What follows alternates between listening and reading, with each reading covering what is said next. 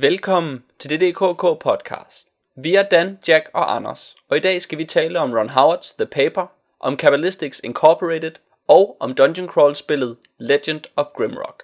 Men først et kort citat. Jeg kan godt se, at vi ikke ligefrem kommer godt fra start på den her måde.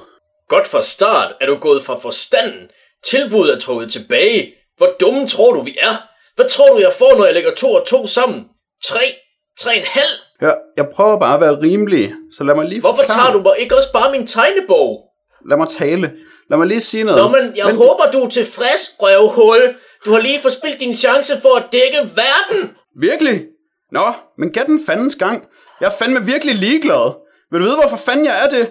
Fordi jeg fandme ikke bor i din fandens verden. Jeg bor fandme i New York City, så du kan fandme rende mig. Oj, oj, oj. Du sagde bare nej til sådan en kæmpe job, Jack, på The Sentinel. Sales. Den bedste, det bedste avis, efter min mening. Det var et flot citat, I lavede der. Der tog I øh, nærmest røven på mig. Det var Sådan planen. en, sådan en lille dobbeltting. Det var et, øh, et fedt citat fra filmen The Paper, som vi skal tale om senere i dag, fra 1984, instrueret af Ron Howard, med selveste Michael Keaton, spillet af Jack. Og så, øh, jeg kan faktisk ikke huske, hvad det var, du lige lavede den. Jeg er ham der med butterflyen. Ja, med Butterfly, ja. Mr. Management on the Edge. Det er The Paper, og det er vel øh, en tredjedel af det, vi skal tale om, fordi at vi skal øh, tale om tre ting, som man forbinder med hinanden, nemlig papir og sakse og sten, i øh, en, øh, en treenighed, som er helt særlig, fordi at det er filmen The Paper, så er det computerspillet Legend of Grim Rock, og så er det så øh, i sakserollen den mystiske Kabbalistics Incorporated tegneserie, som øh, vi til sidst i dag afslører, hvad hulen den har med sakser at gøre. Ingen ved det. Nej, jeg ved det faktisk ikke. Men jeg håber på, at I kan fortælle mig, hvad den har med Saxo at gøre. Jeg er meget, meget spændt. Um, inden vi skal tale om det, så skal vi selvfølgelig tale om, øh, hvad vi har lavet siden sidst. Og nu er jeg jo helt forvirret om, øh, hvem det er, der skal starte med at sige, hvad han har lavet siden sidst. Fordi det plejer at være den, som ikke lavede et citat. Det er Dan. Han har ikke løftet en finger for det her citat. Ja. Det var tydeligt. Jeg er jo færdig med at se The Wire, hvilket jeg var øh, virkelig glad for. Altså ikke, at jeg var færdig med det, men virkelig glad for hele serien. Og så har jeg jo, som de fleste andre, der har set The Wire, nok haft et kæmpe man-crush på Idris Elba bagefter. Ham, der spiller Stringer Bell.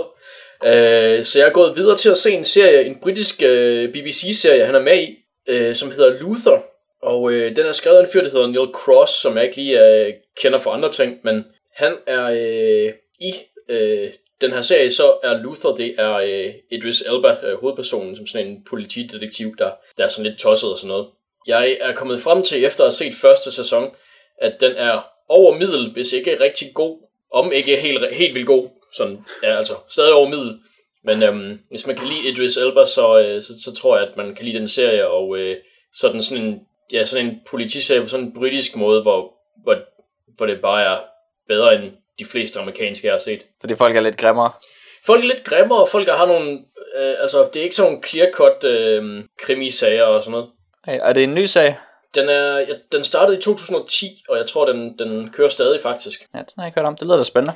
Ja, altså jeg var, øh, jeg var i hvert fald overrasket over, hvordan, hvordan den var en, altså hvordan den er en politiserie, men den ikke kun handler om sådan noget kedeligt politi noget. Hvordan er den egentlig en politiserie? Hvad er det for noget politi?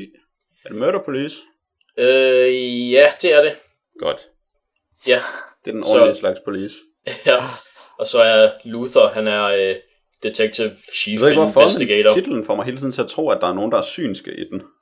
Det er der ikke vel. Øh, nej. Vi, tager, vi kan ikke helt uh, tro på det, Dan, men uh, Ja, den er svær at tro på, det kan jeg godt se. der må være et eller andet. Er der, mange, er der mange scener, hvor mænd sidder i biler og taler om noget, der ikke har noget med politiarbejde at gøre? Hmm, jeg ved ikke, om de sidder i biler, men de sidder sådan rundt omkring og, hvad hedder det, sidder og snakker, og så Idris Elba, han gør det, at sådan, han sådan tit jamrer rigtig meget, mens han sådan ligger på et gulv og sådan noget. Det er, det er bare vildt fedt. Det lyder godt. Ja, han er virkelig, han er virkelig så sympatisk. Og så slipper han sin britiskhed løs. Ja, jeg, var, jeg, jeg anede ikke, at han var britisk, før jeg så den her serie, så tænkte, hold kæft, han er god til at lave en britisk accent. og så, Var, var han ikke også med i den der øh, tv-serie, som var en forløber til os? I den britiske? Åh, det ved jeg godt nok ikke. Hvad, hvad er det for en? Hvad hedder den? Ja, det kan jeg ikke lige huske, men det er en fængselsserie, Ja. som vist kun kørte en sæson, og sådan en forløber til os. Har der været en forløber til os? Ja, det mener jeg. Mm. Men den er ikke sådan sindssygt god. Jeg tror stadig, vi bliver nødt til lige at afbryde podcasten, mens jeg ser det. Ja. Men ja, øh, han er britisk. Det er McNulty faktisk også. ja, det, jeg er imponeret. Nå, men Jack, så nu har du lige, udover at øh, du lige har pauset podcasten, og så set den britiske version af det også, hvad har du så lavet siden sidst? Øh, jeg har set en... Ah, okay, jeg, faktisk- jeg vil gerne sige, at det var en BBC-serie, men det er jeg faktisk ikke helt sikker på, at det er. Selvom det må det næsten være. Det, det er en komedieserie, som hedder 15 Stories High, som handler om en britisk boligblok, hvor der bor en masse udskud. Især øh, de to hovedperson udskud, som er... Øh, hvor den ene, han er sådan en øh, sur og bitter, meget britisk mand, som har der har skrevet serien, øh, som sidder i sin lejlighed, og øh, så vil han ikke rigtig gøre noget. Og han har været nødt til at lege et af værelserne ud til, sådan, til, en, øh, til en anden fyr, og så skal de to ligesom lære at ko- komme overens. Og det er en af de, eller det er den centrale historie i tv-serien, men så ser man også sådan nogle små klip fra, hvad der foregår i forskellige andre lejligheder i det her boligkompleks. Og de er selvfølgelig alle sammen øh, meget underklasseagtige, og så foregår der sådan nogle mærkelige optrin med stripper og sådan nogle gamle mænd i underbukser, der står og laver karate i et spejl, og den slags ting. Øh, Jack, må jeg spørge noget? Ja, Ser du den her tv-serie, fordi at øh, Brooker har anbefalet den? jamen du behøver da ikke engang spørge. Det er da selvfølgelig derfor, jeg ser den. Øhm, Så må jeg hellere spørge, hvem er Brooker? Charlie Brooker, som lavede øh, Black Mirror, og som har lavet øh, Ah. Charlie Brookers Screen Wipe, hvor han fortæller om tv og om, hvor dårligt det er. Og så en gang imellem så nævner han eksempler på tv, som er godt, og 15 Stories High er så en af de ting, han har nævnt. Faktisk også gået i gang med at se Samurai Jack, fordi han har anbefalet det, men det kommer vist til at tage et stykke tid. Og Deadwood, som det går rigtig godt med faktisk. Selvom øh, mit ordforråd efterhånden er reduceret til bare cocksucker. Men i hvert fald, 15 Stories High, den er faktisk øh, virkelig sjov i første sæson, synes jeg. Der overrasker den mig hele tiden. Og den er ikke, sådan, den er ikke så, øh, så, hvad skal man sige, vitsebaseret. Det er mere bare nogle virkelig mærkelige und, øh, optrin, og så er det noget, øh, noget mærkeligt samspil mellem personerne i sagen. Øh, ham der er den mest hovedperson, sagt, han har for eksempel sådan en sjov vane med, at han altid råber hey efter cyklister, der cykler forbi hans boligblok, fordi han håber på, at de vælter. og så, øh, da han brækker benet, så sidder han sådan inde i sin stue og kan ikke gå derhen og gøre det, men så råber han det stadig ud af vinduet, sådan bare, fordi han håber på, at der er nogen, der cykler forbi dernede og vælter. Han er lidt sådan en jerk, men så viser han sig også at være øh, utroligt sej i nogle senere situationer, hvor han kommer under pres og skal håndtere nogle irrationelle mennesker. Så han virkelig, øh, så virker han pludselig meget mere sympatisk. Så personerne er ikke sådan så ensidige, som de ofte vil være i den her slags britiske tv-serier. Så det synes jeg var ret godt og øh, overraskede mig meget. I anden sæson, der tror jeg, de er blevet lidt for vant til, hvad det er, de er i gang med. Så den er ikke helt lige så sjov. Men altså, hey, de er kun 6 afsnit af 20 minutter hver, fordi det er britisk. Så, Det er jo det. Hvad, hvornår er den fra? åh, det ved jeg faktisk ikke. Midten af 2000'erne vil jeg skyde på. Mm, sejt nok. Det lyder godt. Den er ret sjov, og det er hurtigt overstået, og det er øh, britisk komedie. Har, har den sådan nogle øh, små overnaturlige scener en gang imellem? Det var sådan et vibe, jeg fik, da jeg så traileren til den. Mm, nej, På der sådan er en måde som noget Spaced eller sådan noget. den. Helt ned på jorden. Ja, men altså, mange af scenerne virker som sagt rimelig surrealistiske. Så det gør det nogle gange sådan lidt overnaturligt på en David Lynch-agtig måde måske. Hvor det egentlig bare er mærkeligt, men ikke er overnaturligt. Der er ikke noget overnaturligt i den. Okay, så et ned på jorden politidrama, og så noget ned på jorden boligdrama. Og så har jeg faktisk også set noget britisk. Wow. Hey! um, jeg har set uh, ITV's tv-serie 56 Up, som er forløberen til 49 op, og 42 op, og 35 op, og 28 op, og 21 op, og så videre. um, som er en tv-serie, som der er blevet produceret med syv års mellemrum siden 1964, um, af nærmest den samme person, Michael Apted, som også er en filminstruktør, der har lavet nogle andre forskellige ting. Uh, noget af det der Narnia-film og sådan nogle ting, Mm. og noget, noget James Bond. Men han har også lavet den her tv-serie, hvor han startede med at være et eller andet, sådan, ja, have en mindre rolle i den allerførste øhm, øh, produktion, som der blev lavet i 1964, som handlede om, syv, om 14 børn på 7 år, øh, hvor de så alle sammen sådan blev portrætteret øh, i løbet af en enkelt udsendelse, og så gik man så tilbage efterfølgende år, og så har man så lavet et tv-program, som der er blevet vist i hele England, øh, og er ekstremt populært og kendt i England, og alle de folk, som deltager i det her 56 Up, eller Up-serien, må man heller bare kalde den, de er så blevet sådan nogle, øh, ja, alle englænders eje på en eller anden måde, mm. nogle, som alle forholder sig til, og sådan nogle typer, som folk genkender i samfundet og sådan noget. Um, og det var faktisk, jeg har ikke set nogen af de forrige, tror jeg. Jeg kunne godt have, uden at, at det har interesseret mig. Men den her, øh, hvor de så alle sammen er kommet op og er blevet sådan over de 50 og kan reflektere lidt mere over alt, hvad der er sket i deres liv, og man ligesom får et, et, et mere helt billede omkring, øh, hvem de er og hvad der er sket for dem. Um, så synes jeg faktisk, det er ret øh, god tv, ret underholdende. Det lyder da helt vildt spændende. Ja, faktisk. Ja, altså det er jo bare det, det er. Altså præmissen, som man ligesom får udleveret, og så kan man sidde og være fascineret over, hvordan den præmis, den udspiller sig. Der er tre afsnit på omkring, jeg tror de 50 minutter stykket, hvor man så taler med alle 14, fordi de tilfældigvis alle sammen stadig er i live. Um, Godt for dem. det jo, kan man jo ikke, ja, godt for dem, ja. Men er det så bare samtaler med dem? Ja, det er det. Det er, hvor de sidder øh, primært øh, en og en og taler med øh, ja, Michael Apted, som der interviewer dem. Øh, Og så indimellem, så er der selvfølgelig nogle... En stor del af det, det er, hvilken karriere de har, øh, og så den anden del af familieliv. Og så går de meget op i, om de har børn, der går på universitetet. Mm. Det, det lyder virkelig, som om det er vigtigt i England. Ja. Fordi det taler de alle sammen om hele tiden. Det synes jeg var meget sjovt. Det er bare succeskriteriet. Så Givet, givet det var så vel, eller det, det var det, det samme i Danmark. gider man kunne få noget ud af det i Danmark. Ja. Men det lyder måske lidt upersonligt. Ja, men det, det er jo også, altså det kan man muligvis kritisere det for. Altså jeg tror ikke, at man som sådan lærer de 14 forskellige personer at kende, men man, f- man får sådan en fornemmelse af en generaliseret englænder gennem dem alle sammen. Mhm. Mm-hmm. Hvad det vil sige at have været vokset op i England. Og, ja, det ved jeg ikke. Så jeg synes, sådan, summen af det hele er faktisk rigtig godt, og jeg synes, det er en rigtig positiv oplevelse på en, ikke sådan en, øh, sådan den der åndssvage tv-måde, hvor vi skal alle sammen være lykkelige og have det godt sammen. Um, men hvor man bare, øh, det ved jeg ikke, får livet til at virke meningsfyldt. Så det er faktisk en ret, øh, det kan godt være en ret fed oplevelse at se det, synes jeg. Men du har kun set den her øh, 56 op. Ja, jeg har ikke set det, men Men der var også noget dansk tv, der lavede noget, der hed Årgang 0 eller sådan noget. Hvor man så nogle børn blive født, og så var det vist meningen, at de skulle gøre det hvert år. Så skulle der laves et program om dem Ja. og deres familier. ja, jeg har set noget af det, men det virkede ikke lige så godt. Jeg synes ikke, at øh, Danmark er lige så interessant på den måde. England har sådan lidt mere dynamik og klasseting, og der er så meget mere forskel på dem. Det, det er sgu lidt mere spændende. Jeg tror, overgang 0, der var alle rimelig ens. De det var er alle jo sammen spædbørn. Ja, Totalt dårlig personlighed. det er så kedeligt. Der er selvfølgelig nok mere nogle klasseforskelle i England, der er lidt spændende, og ja, i og med, at man selv bor i Danmark, så er det måske knap så spændende. Jeg har bare sådan kigget på en dansker. Ja, Der var sådan, nå, det vidste man måske lidt godt.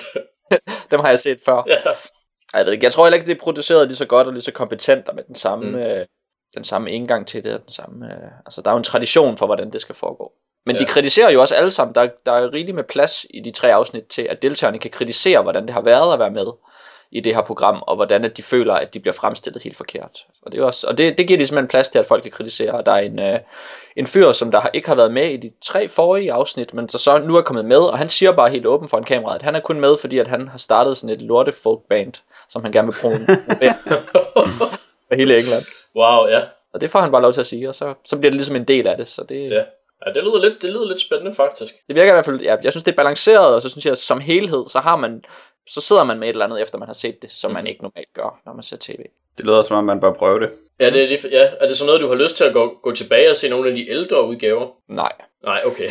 Og, øh, nej, det har jeg ikke, fordi at de går sådan set tilbage og viser sådan nogle små klip Ja. fra sket. Så jeg ved jo, at der ikke er sket sådan nogle fantastiske ting. Jeg Ja. ved jo, at og, hvis jeg ser den fra, fra 14 år siden, så ved jeg jo, at ham der, den mærkelige hjemløse fyr, øhm, som måske gerne vil ind i politik, ender med at komme ind i politik. Mm-hmm. Mm. Så er det jo ikke særlig spændende drama.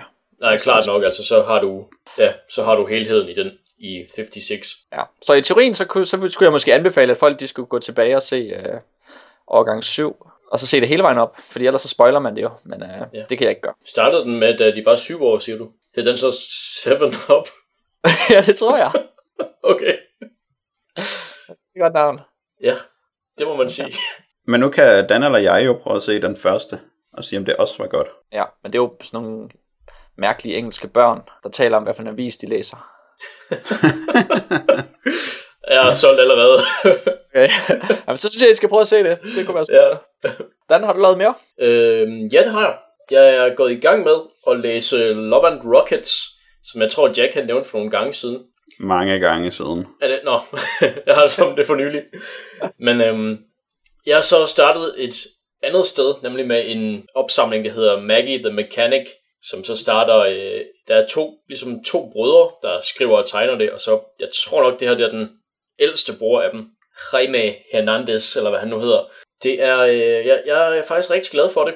Det er sådan en, en bog, der opsamler en så vidt jeg har kunnet forstå, en, en sådan en vis storyline med de her øh, 3-4 karakterer, Maggie og Hopi og nogle andre, som er de her unge piger, der har deres sådan lidt mærkelige punkliv i en, øh, i en by, og så Maggie, hun er også mekaniker og rejser ud og er, laver ting på eksotiske steder og er med i borgerkrig og sådan noget, og det er sådan virkelig meget sådan, ja, kulørt på meget sådan sprudende fortælling, der, der handler meget om de her personer, og ikke handler så meget om, om de her plots, selvom de kan være store og episke på en eller anden måde, så, så er de her personer lidt mere på i udkanten af plotsene, og der er så meget plads til, at der både er noget drama og noget heartbreak og noget humor og sådan nogle ting, og det synes jeg, der er meget, det er virkelig charmerende. Og så er den stil, som det bliver tegnet i, det er også, det rummer også, det, der er sådan plads til at rumme både det sjove og det mere dramatiske og sådan nogle ting, og det synes jeg bare, der, der passer virkelig godt sammen, og det er, det er nogle karakterer, man kommer til at holde ret meget af, og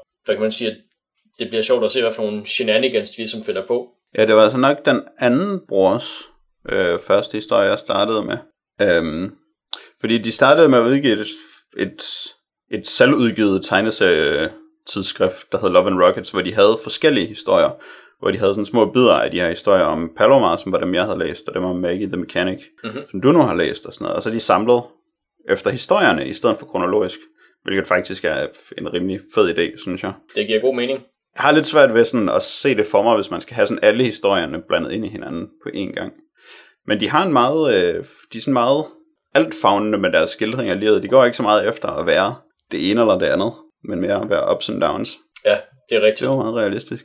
Men øh, Maggie the Mechanic, når du siger, det er punk, er det så sådan noget, hvor de har bands og alt muligt?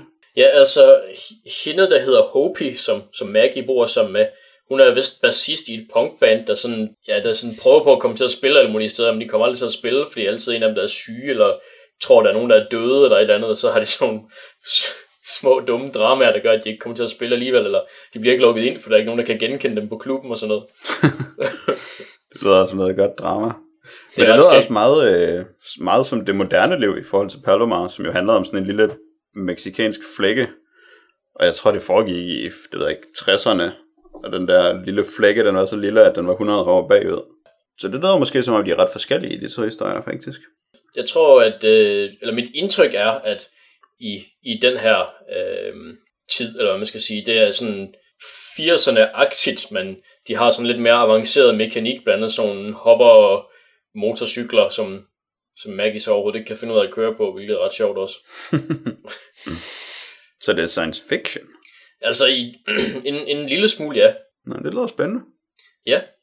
Jeg, jeg var, kan der en dag. Det må du gerne. Jeg er i hvert fald ret... Øh, jeg har i hvert fald lyst til at læse mere.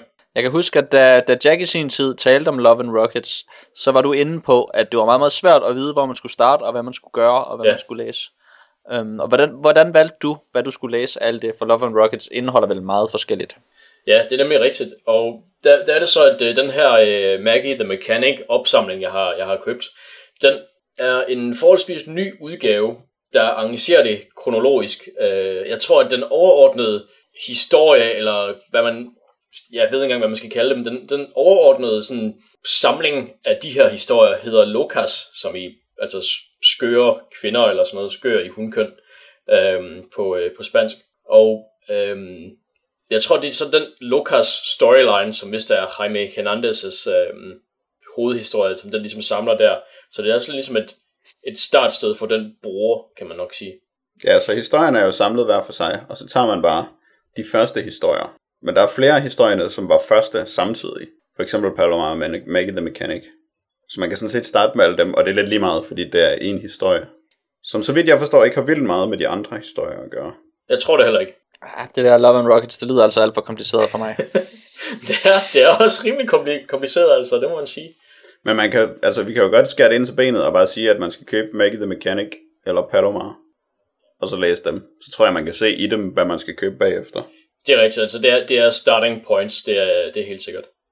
Og vi må så indrømme, at de her Hernandez brødre, som vi jo igennem vores tid som tegneseriefans har hørt så umindeligt meget om, vi må faktisk indrømme, at de lever lidt op til deres øh, renommé. Det vil jeg give det ret i. Altså, de er, de, de, øh, de er sgu ret seje. De har nogle virkelig gode tegneserier.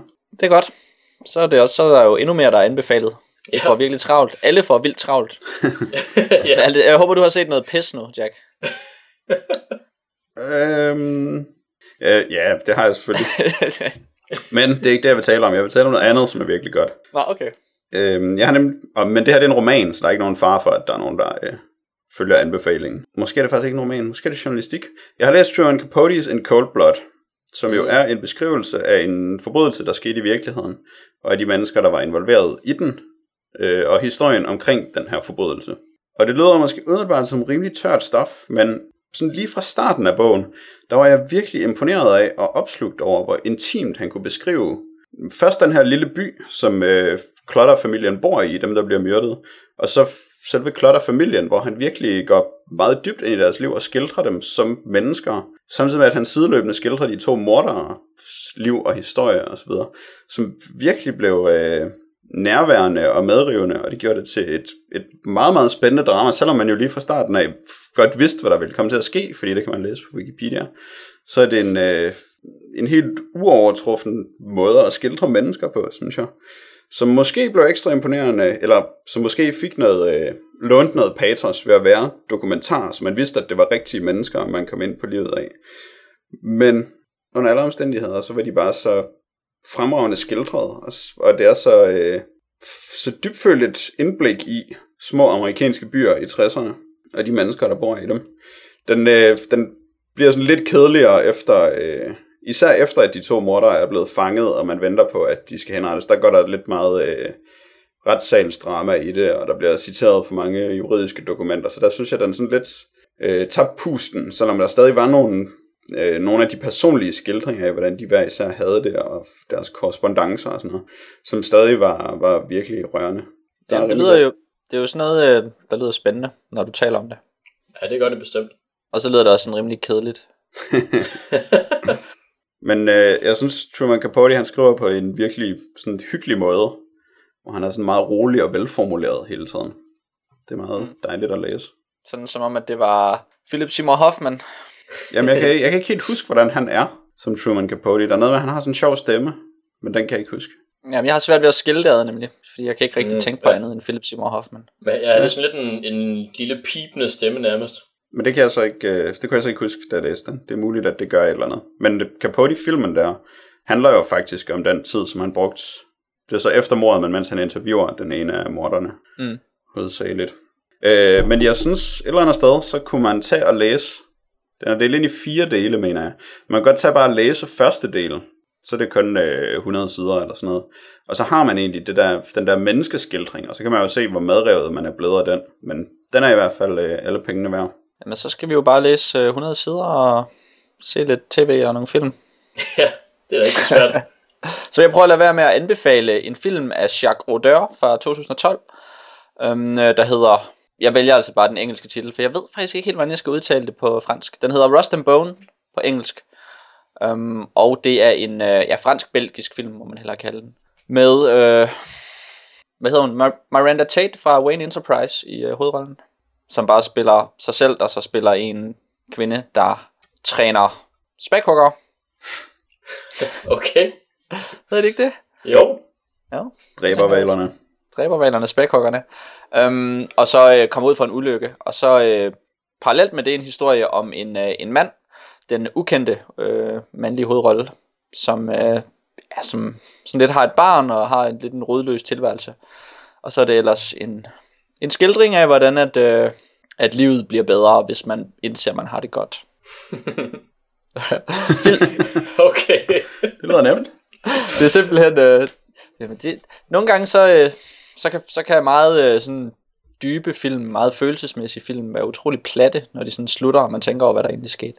Ja. Øhm, jeg tror, at den her film, Rust and Bone, den har nogle få rigtig, rigtig gode scener, som retfærdiggør den, øhm, og som, øh, som tager pusten væk fra en. Så derfor så vil jeg faktisk ikke tale særlig meget om, hvad der sker i den, øhm, fordi at det vil ødelægge nogle af de få rigtig, rigtig gode scener, der er i film, hvis man ved noget om. Jeg ved, hvad du taler om. Øh, jeg vil heller ikke afsløre noget, men jeg vil bare lige sige, at hvis man gerne vil se den her film, så skal man ikke læse nogle af interviewene med hende her Marion Cotillard, eller hvad hun hedder. Fordi at nu har jeg, jeg har allerede fået lagt for meget nu. Ja. Jeg har læst interview med hende. Okay. Jeg sad lige i dag og slog den op på IMDb, fordi jeg skulle overveje at se den. Ja. Så det må jeg nok hellere gøre. Uden ja. at læse nogle interviews. Men ellers så skriver den sig ind i sådan en meget klassisk fransk øh, socialrealistisk tradition af, er sådan typisk folk på, lidt, lidt på kanten af samfundet, som gennemgår nogle ting, og måske finder ud af nogle ting til sidst. Måske bliver deres liv bedre, måske bliver det dårligere, måske, øh, måske bliver de bare lidt klogere. Mm. Um, og så uden alt for stor armbevægelse. Den, den har måske lidt mere moderne take, lidt mere dance-musik, lidt mere hurtig klipning. Um, Nice. alt hvad Jack kan efterspørge i hvert fald. ja. Hvad? Og så skal jeg høre, Jack, så du en, øh, en fransk fæng- fængselsfilm, der hed The Prophet, i forbindelse med dit fængsels halløj. Tror jeg ikke, jeg gjorde. Og til lytterne kan jeg sige, at fængselshalløj ikke var, da Jack var i fængsel. ja, for det var, det var på et helt andet tidspunkt. Altså. Det er et andet tidspunkt. Nå, det tror jeg faktisk ikke, jeg gjorde. Nej, okay. Men altså, mit fængselsprojekt er jo som sådan ongoing. Ja, Og det er mit boksefilmsprojekt også. Så hvis der er nogen, der støder på et eller andet, så vil jeg jo meget gerne høre om det og se det. Jamen, så, så stødte jeg bare på en uh, fransk fængselsfilm, der hedder A Prophet, eller hvordan man siger det på fransk. Jeg, vil, jeg skåner jer for, at jeg skal tale fransk. Det er også svært. Profit. Ja. Har I mere, I vil nævne? Ellers så synes jeg, at vi skal komme i gang med øh, det første hook, eller hvad man kalder det. Lad os det. Jeg har altid lidt tænkt over, om når du stiller det der spørgsmål, hvad ville der så ske, hvis vi sagde ja, og gav os til at tale om mere? Så vil jeg begynde at spille sådan noget højt musik. Tænd og sluk lyset. ja. Højt fransk dansmusik. Muligvis. Det tager jeg som et nej. øhm, hvis jeg nu nævner filmen uh, Willow, Apollo 13, A Beautiful Mind, Da Vinci Code og Frost Nixon, synes I så, at de har sådan et eller andet, der samler de film? Nej.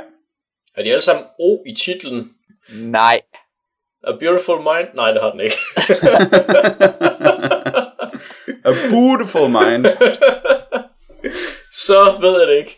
Det er Ron Howard, der har instrueret dem alle sammen. Han har i titlen. Det har Ja. han. Det er en instruktør med O i titlen, der har instrueret dem alle sammen. Oh, jeg har en idé til et tema. Øhm, det synes jeg er sjovt, fordi at Ron Howard er lidt sådan en hemmelig instruktør på mange punkter. Han er ikke rigtig en instruktør, man kan mærke i de film, man ser. Men han har jo sådan set været ekstremt succesfuld et eller andet niveau. Altså film ja. Som A Beautiful Mind og Frost Nixon er jo sådan store, øh, øh, episke, kompetente øh, film, som man kan sige rigtig meget godt om, og som man på en eller anden måde burde kunne kreditere Ron Howard for at have lavet. Men det er ikke rigtig som om, at det falder folk på brystet og, øh, og sige, hold kæft man, Ron Howard, han laver god film. Jeg skal se, når han laver The Dilemma fra 2011. Et, eller et eller andet. Det synes jeg bare lige, vi skal tænke over, når vi så skal tale om filmen The Paper fra 1994, som er instrueret af Ron Howard. Um, det er en film med Michael Keaton i hovedrollen, Glenn Close, Marisa Tomei, Randy Quaid og Robert Duvall i øh, tydelige øh, biroller. Den øh, er en såkaldt newspaper movie, som vi faktisk har talt om tidligere i den her podcast, i forbindelse med It Happened One Night, mm. eller filmen som His Girl Friday, eller øh, Citizen Kane, eller Ace in the Hole, eller A Sweet of Success, og alle sammen sådan mere eller mindre screwball-film, nok hvis man ikke lige tænker på Citizen Kane i hvert fald.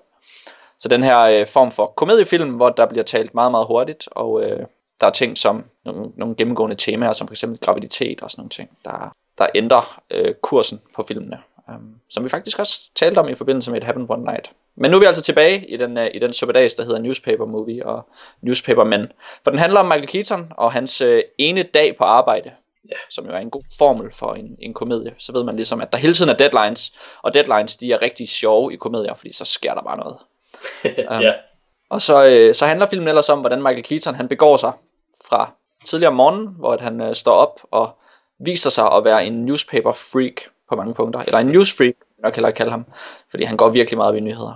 Og så til filmen slutter, og han måske ikke er så meget en news freak længere. Det er en komedie. Var den sjov?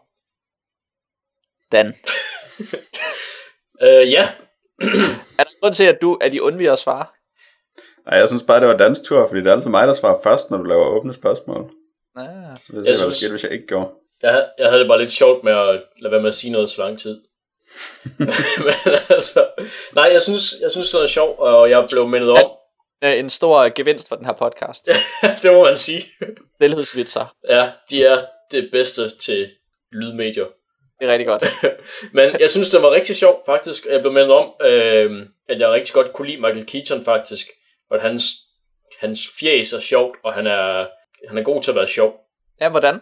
Øhm, altså, du nævnte det der med, at, han, eller at der er meget hurtige replikudvekslinger, og mange, øhm, ja, der er meget, øhm, der er fart på feltet på mange måder. Og altså, de, taler mange gange, så har de de her, øh, ja, hurtige replikudvekslinger med, hvem der endnu er, og der er sådan nogle samtaler, der starter med at være en dialog, og så kommer der sådan flere og flere mennesker på. Til sidst så råber de bare alle sammen i munden på hinanden, indtil der sker noget vildt, og det virker sådan ret sjovt tit. Og øhm, så er det, øhm, ja, så er tempoet i filmen, det synes jeg, der er, ja, altså det er generelt ret sjovt, at det går så hurtigt, fordi at det er lidt en, altså det er nok lidt en parodi på de her newsrooms, gætter jeg på. At, Men så må, jeg, så må jeg lige høre, hvor, undskyld jeg afbryder, men hvor kritisk var du så, da du så den her film? Altså, for man kan da godt, øh, altså det er vel ikke altid sjovt, når folk taler hurtigt i munden på hinanden. Nej, det er det ikke. Altså, de skal selvfølgelig også have nogle replikker, der, der rent faktisk er sjove, og de skal have nogen, der er gode til at levere dem. Og øh, det synes jeg generelt, at filmen faktisk havde. Jeg synes, som sagt, at Michael Keaton er sjov, og øh, mange af dem, han ligesom spiller op af, de er, de er også ret gode til at være, til at være skægge tilbage i hovedet på ham. Og det bliver, øh, ja, det bliver filmen sådan generelt, øh, det, den holder sådan generelt en ret sjov, øh, et, et, et niveau øh, inden for sådan noget humor, der, ja, der gør, at jeg sidder og smiler. Jeg skal også lige høre, har, har du set den før? Nej, det har jeg ikke. Okay, for det er jo, når det er en komedie af den type fra 1994, så må man gå ud fra, at den har kørt på alle danske tv-kanaler. Ja, det- 7-8 gange. eller Ja, det, det kunne den meget vel have gjort. Jeg synes også, den var rigtig sjov. Jeg har heller aldrig set den før. Eller hørt om Ron Howard. Jeg, og jeg tror, grunden til, at jeg synes, Michael Keaton er sjov, er, at han har den der øh, spøjse trutmund. Så selv når han bare sådan står og ikke rigtig laver nogen ansigtsudtryk, så ser det ud som om han laver et ansigtsudtryk. Han har sådan en lille næb. Det synes jeg gør ham sjov. Så han er god til at være, øh, du ved, sådan en straight man. Han skal tit bare stå og kigge på, når der bliver lavet vitser i den her film. Og være sådan lidt uforstående. Så har han en trutmund. Det er sjovt. Okay. Ja, det er rigtigt. Jeg skal lige høre nu, hvor vi lige er inde på uh, Ron Howard. Har du aldrig set Happy Days tv-serien? Det tror jeg ikke. Hedder den noget på dansk? Fonzie. Ja, den der, hvor de danser. Uh, Weezer, musikvideoen. Nej, det har jeg ikke. Jeg har ikke set nogen musikvideo med Weezer, jeg har ikke set noget med Fonzie, og jeg har ikke set Happy Days. Ja, okay. Jamen, så kan jeg godt se... Uh, så, så ved du ikke, hvem Ron Howard er. Overhovedet ikke. Jeg har set Da Vinci Mysteriet, og det, det, hvis jeg havde vidst, det var den samme på forhånd, så havde jeg nok haft lavere forventninger. Ja. Men nu havde jeg så bare ikke rigtig nogen forventninger, og så var jeg virkelig positivt overrasket over, at jeg havde det så sjovt, som jeg havde. Mm. Og hvorfor ser jeg nogensinde film, som Robert Duvall ikke er med i? Jamen, han er god. Jeg synes, vi skal tale lidt om, om Ja. castet senere, men jeg skal lige... Øh, jeg skal, en, en af mine fornemmelser med den her film, det var, at den, øh, den ældes virkelig godt, og den får faktisk 1994 til at virke interessant på sådan en sådan meget klassisk måde, på en eller anden måde. Er det noget, som, som du følte, Dan, nu hvor du sidder og nikker? Kunne du se? Har du et kamera herinde? øh, ja, det, det er rigtigt. Jeg sad og så tænkte på det. Jeg synes, det var en fed, en fed, hvad kan man sige, mellemting mellem en, en sådan en oldnordisk måde at lave øh, aviser på med kun papir og så med nogle computere. Øhm, fordi de har, den, de har den der mulighed for at have en, en mobiltelefon af, af ældre art, og de har en mulighed for at have noget computerværk, og jeg synes, det var lidt spændende at se, hvor, hvor, øh, ja, hvor lidt computerized at 1994 var, men der stadig altså var noget, som man sagtens kan genkende i dag. Øh, det var sådan en sjov, et sjovt mellemland på en eller anden måde, der gjorde, at, øh, at man tænker, hmm, det var sådan, det var i 94 at lave aviser. Ja, altså havde de selvfølgelig sådan lidt en kliché computer rolle, som sad og fik, fik han ondt i øjnene og skulle hele tiden have øjendråber. Ja, det tror jeg. At han, han sad ved en skærm, og det var et, et frygteligt arbejdsmiljø, ja, noget der gør ham sær. det er rigtigt. Men jeg tænker faktisk også på, at den, altså, at den ældes godt sådan, generelt, hvis jeg, hvis jeg ser noget andet 90'er komik, øhm, tidlig 90'er komik, så, øh, så synes jeg, at den her den hviler lidt mere i sig selv, og, øh, og ikke falder, sådan, mås- den falder måske ikke i klichéerne for meget. Øhm, ja, ja, altså, jeg, jeg vil ikke øh, afvise det. Jeg, jeg tror bare ikke, jeg kan komme på andre komediefilm, øh, jeg lige kender til fra, fra der tidligt i 90'erne. Ja, det kan jeg sikkert godt, hvis jeg slår op, øh, hvornår nogle film er fra og sådan noget, men øh, The Mask er også fra 1994. ja, okay. Er den virkelig det? Det er den. ja, øhm, Som jo er fyldt med computereffekter Ja. og gummiansigter og overdrevet gakket komik. det er rigtigt. Jeg, jeg har på fornemmelsen, i mit sind, at den ikke ældet så godt. Jeg ved ikke, hvordan, den, øh, hvordan det er i virkeligheden med den. Nej, det er svært at sige. Der er man lidt nødt til at se den. Ja, det tror jeg. Men det, Det har man ikke rigtig lyst til. Men det er også en meget anden slags komik. Og Ja, måske lidt præget bestemt, af, at det er Jim Carrey, der spiller hovedrollen. Jim Carrey har haft lidt en tendens til at gøre alle de film, han var med i, til Jim Carrey-film. Ja, Og det er ikke nødvendigvis en dårlig ting, det er måske bare et udsagn om, hvor, øh, hvor dygtig han er til, hvad end det er, han gør. Men man kan nok ikke tage den så repræsentativt. Nej, det er rigtigt. Og han var jo virkelig et nybrud inden for, inden for amerikansk komik, da han Ja. ja. kom med sin, øh, sin nye form for fysisk komedie, fordi det er jo en helt anden form for fysisk komedie, han præsterer, end hvad, hvad Michael Keaton præsterer i, i The Paper. Hvor, at han, ind, hvor han indimellem skal lave nogle, øh, jeg ved ikke om det er komiske ansigtsudtryk, men det slipper han ikke helt så godt fra, når, hvis han skal være betuttet. Der er for eksempel en, en slåskampscene øhm, i, øh, i sådan en af, en af slutminutterne, en af de spændende øjeblikke, hvor de måske skal øh, stoppe trykkemaskinen for at ændre en historie. Den slåskamp, den bærer vel meget præg af at være fra 1994. Den kunne vel lige så godt have været lavet i 1944. det, ja, men jeg, jeg, jeg tror, det er meget med vilje, at den er så defekt, som den er. Altså, mm. jeg, jeg synes, altså man forbinder jo på ingen måde Michael Keaton med nogen, der slås. Altså, han er jo en sådan meget lille, meget, altså, sensitive guy normalt. Og, og så, så er det, ja, det er rigtigt. Det er noget andet, det kommer vi til. Ej, men det er, jo ikke, det er jo ikke mere end 6 år siden, han var Batman. ja, ej, det er rigtigt nok. Øh, men der har han en gummidragt på sig selv. Ja, ja. Og han blev jo også, det er sådan en lille sidebemærkning, han blev også castet, fordi han ikke, han ikke lignede en, der var en Batman. Øh, sådan at der var en kontrast mellem, ja. Men Glenn Close i den slåskamp, hvordan hun står, det er så hyle morsomt. Hun Åh, står ja, der sådan, er sådan en bokser. Ja, hun står sådan helt foroverbøjet, med næverne hævet alt for højt op til, at det overhovedet ligner noget som helst. Den Close er faktisk ret freaky i den film. Ja, hun er. Altså det var, jeg, det var øh, sådan hypnotiserende at kigge på hende. Ja. Og forstå, at, at, at hun var en form for stil. At hun var en måde, man kunne være på i 1994. Ja. Det var Det- virkelig mærkeligt. Det var sgu rigtig skægt. Jeg sad, og nogle gange i, i løbet af filmen, så sad jeg og prøvede at gætte på hendes alder, og jeg kan ikke, man kan ikke se det. Nej. Jeg har ingen anelse om, hvor gammel hun er nu, hvor gammel hun var i 94. Jeg ved ikke, om hun overhovedet ældes, eller om hun altid har været nogen under 30 eller sådan noget. Nej, eller om hun bare er død allerede. Ja, det er ikke til at sige. Men øh, Jack, du fik ikke kommenteret rigtigt på komikken. Jamen, det er sjovt, at du siger det der med screwball. Komedie, screwball komik, kan man måske bare sige. Fordi det kan jeg jo godt se nu, når du nævner det. Jeg, jeg tænkte ikke Mhm. over det, mens jeg så filmen. Men det er selvfølgelig meget den samme måde, hvor... Altså, jeg kan jo godt lide, når folk de taler virkelig hurtigt. Og jeg kan godt lide, når, øh, når folk er vittige, i det hele taget velskrevne replikker. Det er nok det er noget af det bedste. Øh, der var måske ikke helt bandeord nok. Men i hvert fald, det var... Øh, altså, jeg synes, det flød virkelig godt, og jeg synes, de var virkelig gode til ikke at gøre det komisk på sådan en måde, der brød illusionen, hvor jeg skulle tænke, at jeg så en komedie. Det meste af tiden, der havde jeg ikke en følelse af at sidde og se en komedie, men en følelse af at se en film med nogle mennesker, som øh, var utrolig cool og tiltalende. Mm. Og det kan jeg rigtig godt lide, fordi jeg er jo sådan lidt, jeg er jo lidt øh, frastødt af konceptet komedier som udgangspunkt.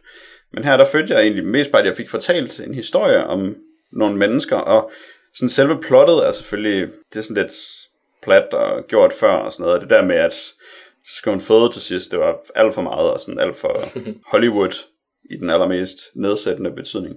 Men det var mere sådan samspillet mellem personerne, som jeg synes var virkelig overbevisende, og som gjorde også rigtig mange af bipersonerne til nogle meget øh, veltegnede personer. Ja, der var blandt andet ham McDougal, Ja, Ja. som er en fyr, som vi først støder på, fordi han ligger og sover inde på vores hovedpersons kontor øh, på sofaen, og så viser det sig, at han, øh, han føler sig forfulgt af en øh, parkeringsadministrerende øh, administrerende mand. Um, og, så, øh, og så opfører han sig selvfølgelig øh, rimelig tovligt, den her person, men på, den, på en måde, hvor det er mere tragisk, end det er komisk. På en måde, hvor han faktisk virker sådan rimelig bims, øhm, og hvor at han ikke bare sådan gakker rundt, men, men hvor man bliver lidt bekymret for ham, og bliver lidt bekymret for, hvordan at vores hovedperson skal håndtere og have sådan en mand til at arbejde for sig. Og det, det, det gør det, selvfølgelig er det sjovt, når han så lige pludselig gør et eller andet mærkeligt, ham her McDougal, men det får faktisk også en værdi, og det, det får lidt kant, synes jeg. Altså, altså, altså jeg blev overrasket i scenen, hvor han pludselig skyder Ja, ja. med en pistol, fordi at han vil have ordet. Øh, det er rigtigt. Det, det tror jeg egentlig også, jeg gjorde. Øh, Mm. jeg, synes også, altså, jeg synes også, det var sjovt at se hans, hans lawyer, men det var også, det er rigtigt nok, at han var ikke, han var ikke kun et comic relief, for han var også en, altså en person i sig selv, der, der ville noget, og der gjorde noget, og, og der måske var en, hvad kan man sige, en bekymring ved, at han skulle holde sig inden for grænserne af, hvad, altså holde, holde sig inden for grænserne af loven, for eksempel. Og øhm, Og igen, så er hans vanvid bare sådan meget øh, naturligt flettet ind, og der er ikke noget med, at de synes, det er nødvendigt at dvæle ved det, eller få ham til at udpensle for meget, hvad det er, der er skørt ved ham. Det er mere bare sådan de små replikker, hvor de ligesom har en hverdag, hvor han er inddraget i, og så er han skør på de Mm. steder, hvor han spiller ind, men har alligevel en plads og en rolle i det. Ja, der kunne man måske også kommentere på øh, Robert Duvall Ja. i den sammenhæng også, ikke? Som jo, altså, den, den avis, som, som den her foregår på, The New York Sun, som er en, øh, man kan sige, en parodi på en, øh, en tabloidavis, vil man kalde det i England, eller en øh, formiddagsavis, vil man måske kalde det i Danmark, øhm, hvor at de meget dækker lokalstof, og meget dækker krimistof, og meget dækker ikke de store politiske nyheder, og de dækker ikke de store internationale nyheder. Som i kontrast til for eksempel noget som New York Times, Ja. som der så i den her films univers bliver kaldt for The Sentinel, og er den, øh, den avis, som vores hovedperson bejler lidt til, eller måske gerne vil arbejde øh, for. Men på den her New York Sun, der får vi jo så ligesom øh, introduceret det her sådan lidt øh, galehus-lignende øh, arbejdsplads, hvor at, øh, hvor at vi har en, en chefredaktør, som der sådan bliver iscenesat på, på klassisk komisk vis, med at man kommer ind på hans kontor, og så ser man selvfølgelig, at der står og kører tegnefilm. Um, og så ved man, at han går overhovedet ikke op i nyheder. Det her med, Ja. han er fuldstændig ligeglad med nyheder. Han vil bare øh, ja, se tegnefilm og have ondt i røven. ja. Og det, ja, det ved jeg ikke. Det, det synes jeg øh, er en, en af mange gode eksempler i den her film på den der... Ja, de bruger jo meget tid på den her virksomhedskultur, der er på New York Sun. Altså det gør jo indtryk, fordi det er så utroligt sej en, øh, en arbejdskultur, de fremstiller. Og det er jo virkelig alle ens øh, hedeste drømme om, hvordan aviser burde fungere. Med sådan nogle virkelig dedikerede mennesker, der lever i et øh, kæmpe kaos. Og har virkelig travlt med alting, men ikke for travlt til at være seje i alt, hvad de gør. Så det gør helt sikkert indtryk, og det er jo en, altså det er en, øh, et miljø, som tiltaler mig personligt, og derfor bliver det selvfølgelig federe at se det. Mm. Der er en øh, redaktionsmøde scene, som, som jo det virker rigtig godt, hvor man får lyst til at være med. Ikke? Jamen, de sidder inde på øh, øh, Robert Duvall, han spiller chefen øh, Bernie White, tror jeg der. Og øh, de sidder inde på hans kontor og taler sådan lidt, lidt i munden på hinanden, men også sådan lidt på skift om nogle forskellige ting, om hvad den næste forside skal være, og så er der så ligesom de her to lejre med Glenn Closes rolle, og så øh, Michael Keatons rolle, der sådan ligesom sidder og diskuterer, hvad, øh, ja, hvad forsiden de, de vil have hver deres forside, og så er der sådan nogle andre, der ligesom kommer ind med nogle forskellige øhm, indspark til deres forskellige features, og så, det ved jeg ikke, altså det er bare sådan, de taler bare på en rigtig, rigtig fed måde, der, øhm, der virker, ja, man, man, man føler sig meget inkluderet, når de sidder der og sådan lidt hyggesnakker, og man alligevel taler om noget, der er noget vigtigt inde på deres kontor, overset af den her chef, som er, øhm, ja, som, som er lidt, altså, lidt ligeglad på en eller anden måde. Ja, så får sat scenen på spidsen til sidst, hvor at, øh, fordi de alle sammen måske godt ved, at han er dødeligt syg. Jeg er ikke helt sikker. Ja, det tror jeg. Jeg tror, de har en, mistanke om det i hvert fald. Han har jo sådan et filmisk hosteanfald, hvor han hoster alt for meget, og så bliver alle helt stille og kigger på ham. Ja, ja, og så er ryger han to cigaretter i minuttet. ja. Så han ligner i hvert fald en, der burde være dødeligt syg. Og ja, jeg tror også, at vores hovedperson får det at vide, som jeg husker det. Det mener jeg. Ja. Han får kun at vide, at han har en prostata på størrelse med en bagel. og det kan jo sådan set være et ret almindeligt problem i mænd, når de kommer lidt op i alderen. Og ikke Ja. nødvendigvis dødeligt.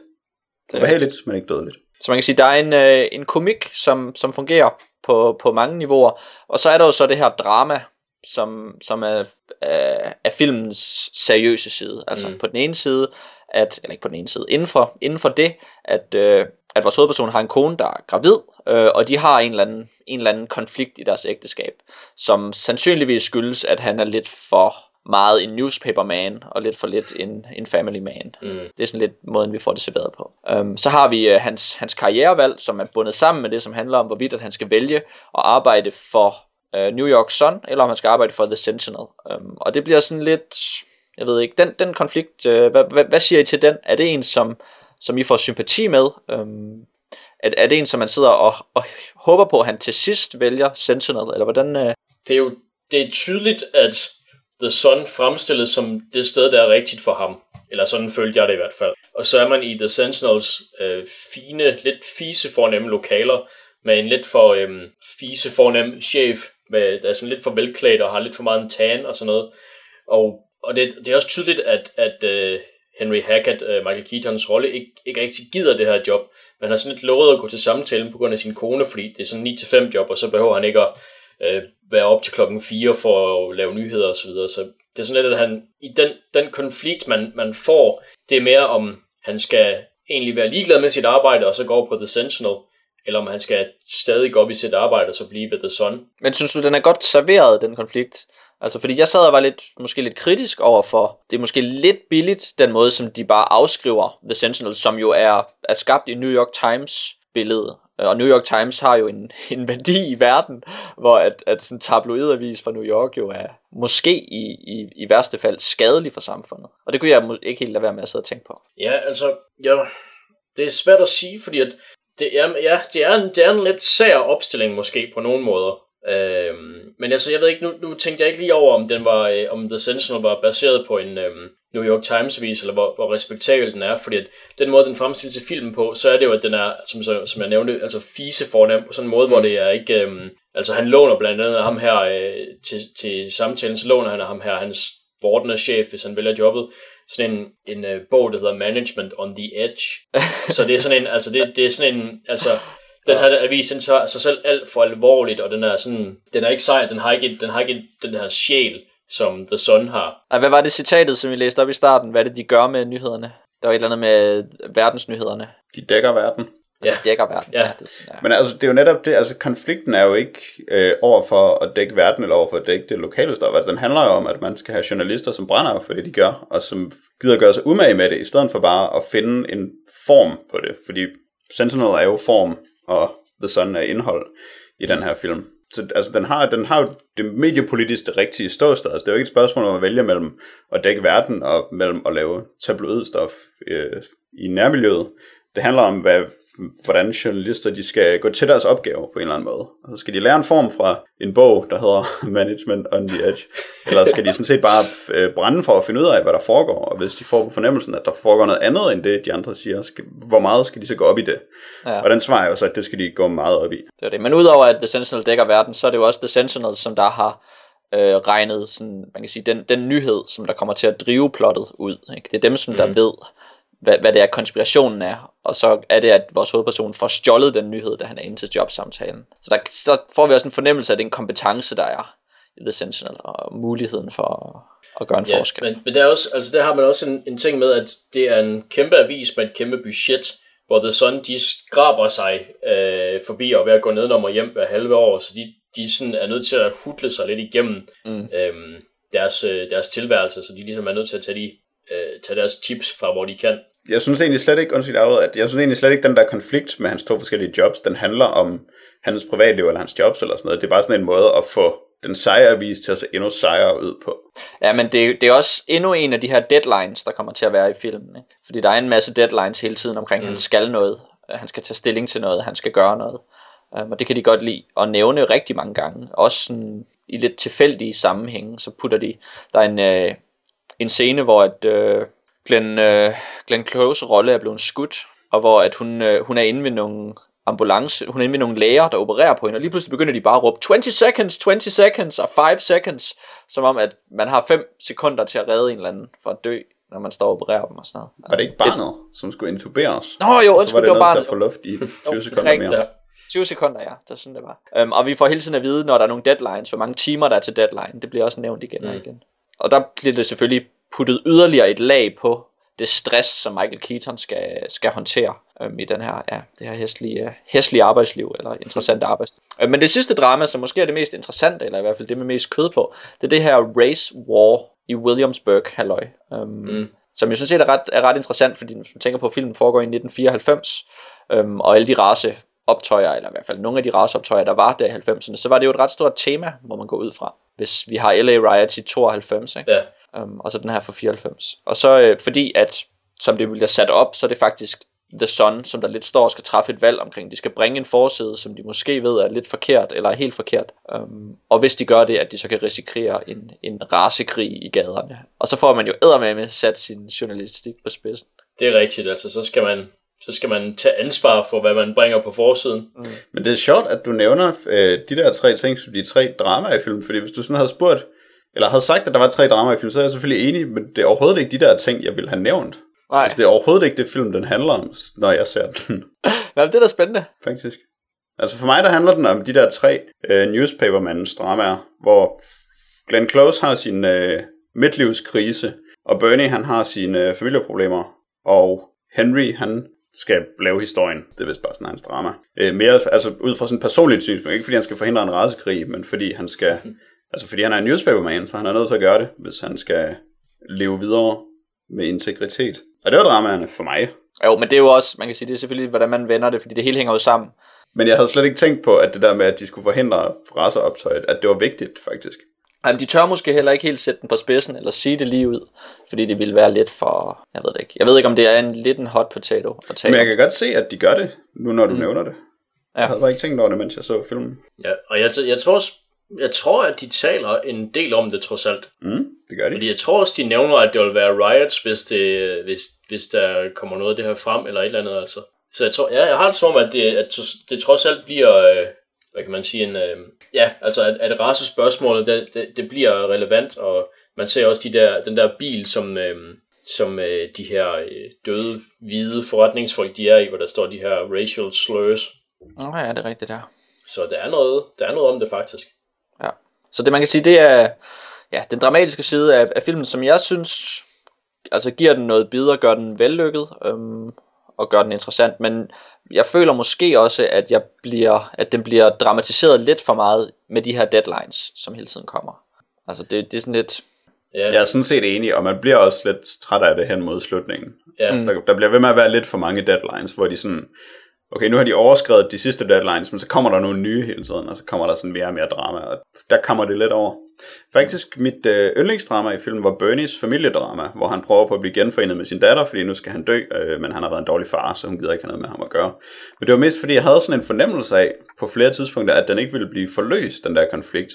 At det bare er, at han sådan bare ville give op, og så ville han bare sidde på barn og drikke, i stedet for øh, at få forløst det der. Og det synes jeg havde været utrolig fedt, hvis det ligesom bare havde været en af de ting, som man må acceptere i livet, at han får bare ikke et forhold til sin datter. Mm. Øhm, de vendte så tilbage til det, men øh, forløste det på en bedre måde, end jeg ville have forventet, men stadigvæk, det, så ville det have været bedre, hvis det ligesom bare var lidt ude i sender. ja det går fint. Mhm. Men det er jo så en happy ending uh, all around, og det er jo det, der gør det til en klassisk, en klassisk komedie. Ja, Bernie er sådan lidt tvetydig. Eller Ja. den er ikke sådan det, man ville have forventet. Det virker Ej, som han en er- happy ending, men den har noget mere. Han er Det er- stadig døende. Det, er, det er rigtigt nok, så ja. Han har stadig ikke noget forhold til sin datter. ja. Og ja, graviditetsting der, det ender jo lidt, som man forventer. Ja, det blev meget kedeligt. Desværre. Helt unødvendigt. Det, er fedt. det var ellers sjovt med hendes øh, nyse gag, Ja, at vi skulle forstå, at hver gang hun nøs, så tissede hun også lidt i bukserne. ja. det er rigtigt. Det kan jeg godt lide. Det synes jeg, hun, øh, det, det er well played. Ja, det var faktisk ret skægt. Ja. Og så virkede, det er jo sådan fedt at se 90'ernes øh, portræt af New York, for der skal New York jo være helt vildt cool, Mm-hmm. På sådan en uh, street måde, som er, ja, det er måske sådan lidt cute at se, måden de gør det på med, hvad det, uden for den restaurant, de spiser, der er der øh, sådan noget street art, malet med måske kridt på fortorvet, hvor de har malet Dali, smeltende uger, Ja, det er rigtigt, ja. som jo er den mærkeligste måde at tilgå street art på. Hippere bliver det ikke, altså. Nej. Det synes jeg var fedt. ja. Godt. Så det var, øh, det var The Paper, 1994, Ron Howard. Jack ved stadig ikke, hvem øh, Ron Howard er. Og jeg ved ikke, hvor Saxon er i Kabbalistic. Kabbali- Kabbalistics Incorporated, det er en, øhm, et, hvad kan man sige, et okult team, som øhm, hvis historier er blevet udgivet i øh, 2000 AD-magasinet, det britiske tegneseriemagasin, hvor man også har, øhm, hvor Judge Dredd også optaget, opdraget, op, opfattet, op, optrådt. Han har 7-Up, hvor Judge Dredd også er optrådt i, øh, i mange år efterhånden, og ham taler vi om i tilbage i podcast 33, hans 2000 AD-karriere. Øhm, så nu er vi tilbage i 2000 AD, men den her gang er det fra 2002, hvor øh, Kabbalistic startede, og det er jo sådan en lille ongoing serie, hvor øhm, der så er øh, en, et prog, som de kalder, altså en lille installation på 8 sider eller sådan noget. Der så, Ikke fem? er det 5 sider kun? Jeg mener kun, det er fem. Det kan godt være, det kun er fem. Det er i hvert fald ikke særlig mange sider.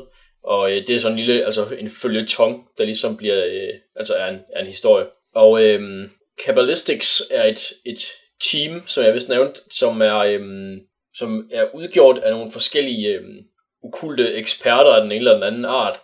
Der er blandt andet et, øh, et forlovet par, Dr. Jonathan Brandt og Jennifer Simmons, som er nogle paranormale historikere, og så er der sådan nogle monsterdræbere, der hedder Verse og Chapter. Og øh, så er der en anden okult ekspert, der har øh, der besidder det okulte navn Solomon Ravney. og det er så... Øh, Hold kæft, hvor er det sejt. det bliver ikke meget vildere end det navn. Øhm, de er så samlet af en, øh, af en tidligere rockstar, som sidenhen er blevet sådan en .com øh, vidunder rigmand ved navn Ethan Kostabi eller sådan noget. Og øh, serien her er skrevet, øh, det hele er skrevet af en gut, der hedder Gordon Rennie, som også har lavet Judge Dredd, tror jeg. Skrevet Judge Dredd tidligere. Og en tegner, der hedder Dom Reardon, som vist også mest bare har bidraget til 2000 AD. Og øh, vi har så læst den første, øh, hvad kan man sige, opsamling, der altså ikke er i 2000 AD magasinet, men historier fra den, som så hedder, øh, jeg hvad hedder den, Going Underground. Ja, altså der, der, der sker jo en masse ting, fordi at, øh, det er jo kun de der fem sider hver gang, så der skal nå at ske en masse ting, før at historien er egentlig slutter. Eller? Ja, det er et, øh, et mærkeligt format, vil jeg da ja. gerne lige starte med at, øh, at understrege. Ja, et meget, meget højt tempo, synes jeg. Øh, nogle gange, hvor det, altså, hvor det nærmest kun lige når i gang, og så stopper historien, eller så skal man så lige vente, man kunne forestille, at man så skal vente til næste, næste nummer udkommer af, af bladet der. Ja, så er det jo ikke fordi, at det så samler op i næste afsnit. Så springer det måske til, til et nyt flashback eller flash forward, når de næste fem sider starter, eller at man er et helt tredje sted. Eller fjerde sted må det være. Ja, det er i hvert fald ikke ofte, at det samler op. Øh, jeg synes, der Nej, det synes så... jeg ikke. Det er i hvert fald øh, ja, ja. mere undtagelsen end reglen. Ja, og når det så endelig gør det, så, så gør det det nærmest i for lang tid, så at man bruger en par sider på at opsamle, og så er der en, nærmest en endnu kortere historie. Så det går sådan, altså det går, det, for det meste går det meget hurtigt, og det er jo også sådan en, en meget sådan en, hvad kan man sige, action horror serie, der, der nok, altså det er nok meningen, at det skal have et hurtigt tempo. Mm. Øhm, og det, det synes jeg, at det præger hele serien, at det er så hurtigt et, et tempo. Altså man får... Jeg synes, det er ja. et, meget, øh, et meget interessant format, og jeg har svært ved at forestille sig, at man køber et, et 2080 magasin, og så får man, hvor mange forskellige små historier på fem sider vil man så støde på? Altså sådan i, altså forskellige uh, historier, forskellige... Ja, forskellige, altså følgetonger der. Jeg tror, der plejer at være fem eller seks af, af sådan nogle fortsatte historier, altså hvor man får en bid, som enten uh, som er et eller andet sted i forløbet af en historie, og så starter de så forskudt fra hinanden. Så man får det første afsnit af en historie, det andet afsnit af en anden historie og sådan nogle ting. Og så er der det, som hedder uh, Future Shocks, som er sådan nogle små historier, som mm. står alene. Og nogle af historierne, for eksempel Judge Dredd, som jo er den mest etablerede af ting i 2080, har også one-shots, hvor der bare er fem sider, som er en historie for sig selv. Men det er kun dem, som ligesom er etableret tit, så det er fortsatte historier, som man sådan får lige med den. Og jeg, jeg går ud fra, at grunden til, at man gør det sådan, det er så, man kan have enkelte forfattere i arbejde i lang tid, på en eller anden måde. Altså, øh, bladet udkommer jo hver uge. Altså, ja, altså min, min point er, jeg forestiller ikke, at man gør det her for læsernes skyld, men mere sådan et eller andet strukturelt i måden, man laver tegneserier på. Ja, det tror jeg egentlig også, og så øh, ja. vanesagen i det. Fordi 2080 jo ligesom er, altså det er jo den britiske tegneseriebranche. Ja. ja. øhm, så hvis man, det er derfor det er så tit, når man taler om sådan nogle britiske folk, der har lavet ting for 2080, at så er det ligesom bare det, de har lavet, fordi, fordi der ikke er de andre steder for arbejde.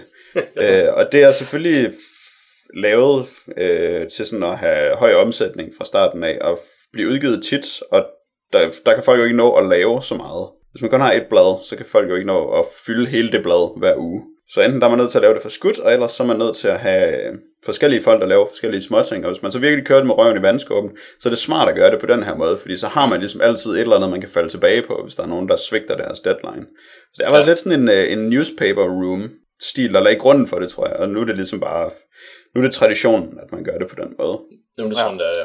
Og så øh, er der gode chancer for, at der er et eller andet, som appellerer til de fleste, når man køber et nummer af 2080, fordi der er ene forskellige ting i. Men problematikken bliver jo så, at når vi sætter det hele sammen, som den måde, vi har læst det på, så får man vel ikke en uh, ideel læseoplevelse. Det synes jeg personligt heller ikke, man gør, når man læser 2080. prog by prog, fordi altså, det er jo det er umuligt at følge med i og holde styr på og finde ud af, hvornår det ene slutter og hvornår det andet starter. Og jeg har simpelthen aldrig kunne samle mig om noget som helst i 2080, udover lige Judge Dredd, fordi jeg så specifikt går efter det, og så læser jeg Judge Dredd-historien og ikke andet i bladet. Jamen, jeg, jeg får næsten lyst til at, sådan, altså, at sammenligne det med en tegneserie-digtsamling ja, på en eller anden måde. ja. Fordi du, du kan heller ikke samle dig om en digtsamling. fordi det, nej, fordi det er små enheder, som man læser, eller som man kan sætte sammen og læse sådan, ude af kontinuitet, måske. Fordi det ikke er ligegyldigt. okay, den tager, den tager.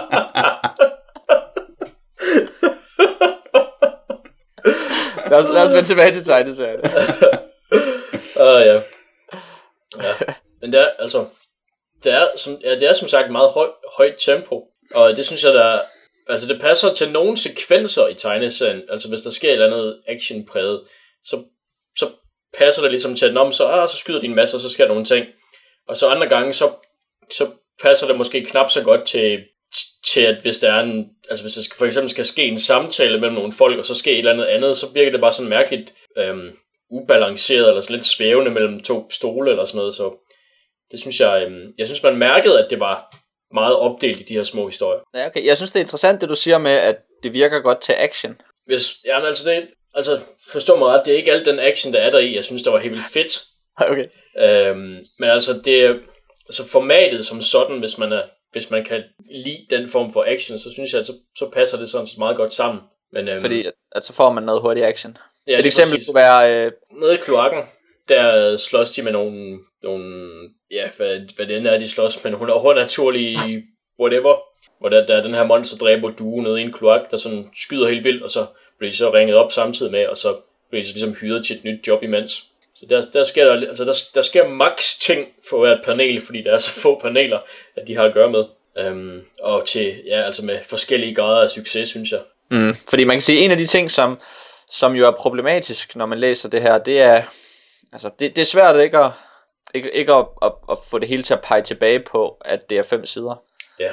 Um, fordi man har ikke rigtig mulighed for at etablere særlig meget, og jeg synes ikke rigtigt, at vi lærer de her folk at kende særlig godt, som vi følger. Det er ikke fordi, man nødvendigvis skal have en hovedperson, fordi det synes jeg sådan set, at man er ret vant til inden for, inden for tegneserierne, inden for superhelte eller action tegneserierne, mm. eller hvad vi skal kalde dem. Um, at man ikke har en hovedperson, som man oplever historien igennem, men at man har mange forskellige, som man bare følger. Ja. Men her der har man de her folk, som man nærmest ikke får et forhold til nogen af dem. Ja, altså det er jo meget, at hvis, hvis man skal lære en af dem bedre at kende, så skal man bruge alle de fem sider på det, og Mm. så er det det eneste, der er plads til, kan man sige. Og man kan ikke, man kan sige, der er ikke, du vil ikke blive chokeret, hvis der var en eneste af de karakterer i den her tegneserie, som der pludselig viser sig at enten være helt vildt ond, eller at pludselig dø. Ja, det er rigtigt. Altså det, det, kunne, det kunne meget vel ske, kan man sige. Men det er måske også bare en eller anden form for distance, der er. Altså jeg vil jo sige øh, til seriens forsvar, at det her jo ikke er... Øh, altså det er jo ikke stor litteratur på den måde. Det er ikke litteratur med stort L. Altså det er pulphelte, dem her. Og dem lærer man nærmest per definition ikke rigtig at kende. Fordi de ikke har så meget rolle, udover øh, den interaktion, de har med et pulp plot. Ja, det, det kan jeg vist kun give dig ret i. Og jeg er jo, jeg er jo øh, faktisk, jeg er faktisk rigtig vild med Kabbalistics, fordi altså, det ikke handler så meget om kontinuitet. Det handler ikke om at kæle for detaljerne i historien og sådan noget. Det handler bare om at få en masse idéer, og så få dem fyret af.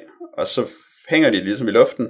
Og jeg vil sige, nu har jeg læst øh, rimelig meget af den efterhånden. Og jeg synes, at de idéer, som ligesom har, øh, som har kød på sig, dem bliver han ved med at vende tilbage til og tage op igen, og det bliver ved med at være en faktor. Og de ændringer, der sker, de bliver ved med at være til stede. Altså det er ikke sådan noget med, at når der er sket en ting, så er den glemt igen. Altså den har konsekvenser, og den, og den bliver ved med at være der. Og det synes jeg er ret fedt, fordi det gør, at det alligevel betyder noget. Altså idéerne i sig selv øh, er sådan set fedt nok, det kan jeg sagtens acceptere for en serie, hvis det bare er øh, nye idéer ting hele tiden. Men det bliver ekstra fedt at, at de laver et aftryk på historien, og bliver ved med at være der. Så jeg har det rigtig, rigtig godt med det høje tempo, som den holder. Og det er rigtigt, at der er nogle ting, som er svært at følge med i. Der er nogle ting, som kommer til at være lidt ligegyldige, men det er mere bare fordi, at der kommer en ny idé at være begejstret over, i stedet for den, som man, som man så ikke rigtig får gjort noget ved. Ja, jeg synes også, nogle gange jeg har set nogle gode idéer i det, hvilket har været fedt. Øh, men andre gange, så synes jeg, at det, altså, jeg, jeg ved ikke helt, hvad jeg skal kalde det. Jeg ved ikke, om, om ideen bliver fyret for hurtigt af, eller om det bare, altså, øhm, jeg ved ikke, altså, nogle gange så synes jeg bare, at det bliver sådan lidt, øhm, det, det er bare fladet til noget name dropping, i stedet for at det rent faktisk er en idé, så at øh, bla bla bla, og så er der en eller anden, der kan et øh, Lovecraft-citat, og sådan der siger, haha, det er Lovecraft, ja det er det, øh, ja, Lovecraft tog fejl, haha, og så går vi videre til næste idé, eller sådan noget. Øh, og så sidder man sådan, hvad, hvad, hvem? Og, øhm, og det synes jeg, der, altså, så, så går det ligesom så hurtigt, og jeg ved ikke, hvorfor at Lovecraft skulle blandes ind i det, hvis han så alligevel tager fejl. Øh, og, og så, det ved jeg ikke, så, så, så, så, er det bare sådan, så virker det bare som sådan noget name dropping, der bare sådan lidt fisler ud for mig. Ja, men det er jo etablering af settingen, hvor øh, Lovecraft findes i virkeligheden. Det, det, gør, han, det gør han også i, i vores. ja, men som, øh, som, altså det, som han snakkede om, findes i virkeligheden. Nå, okay. Fordi han er Chapter har jo også gået på Arkham University, for eksempel. Ja, det er rigtigt. Øh, og jeg har læst noget andet, som Gordon Rennie har lavet. Øh, faktisk to andre ting. Øh, Necronauts, og jeg mener bare, den hed Ford, den anden serie, som handlede om en paranormal efterforsker fra virkeligheden, der hed Ford, som teamede op med Lovecraft og mm. nogle andre folk.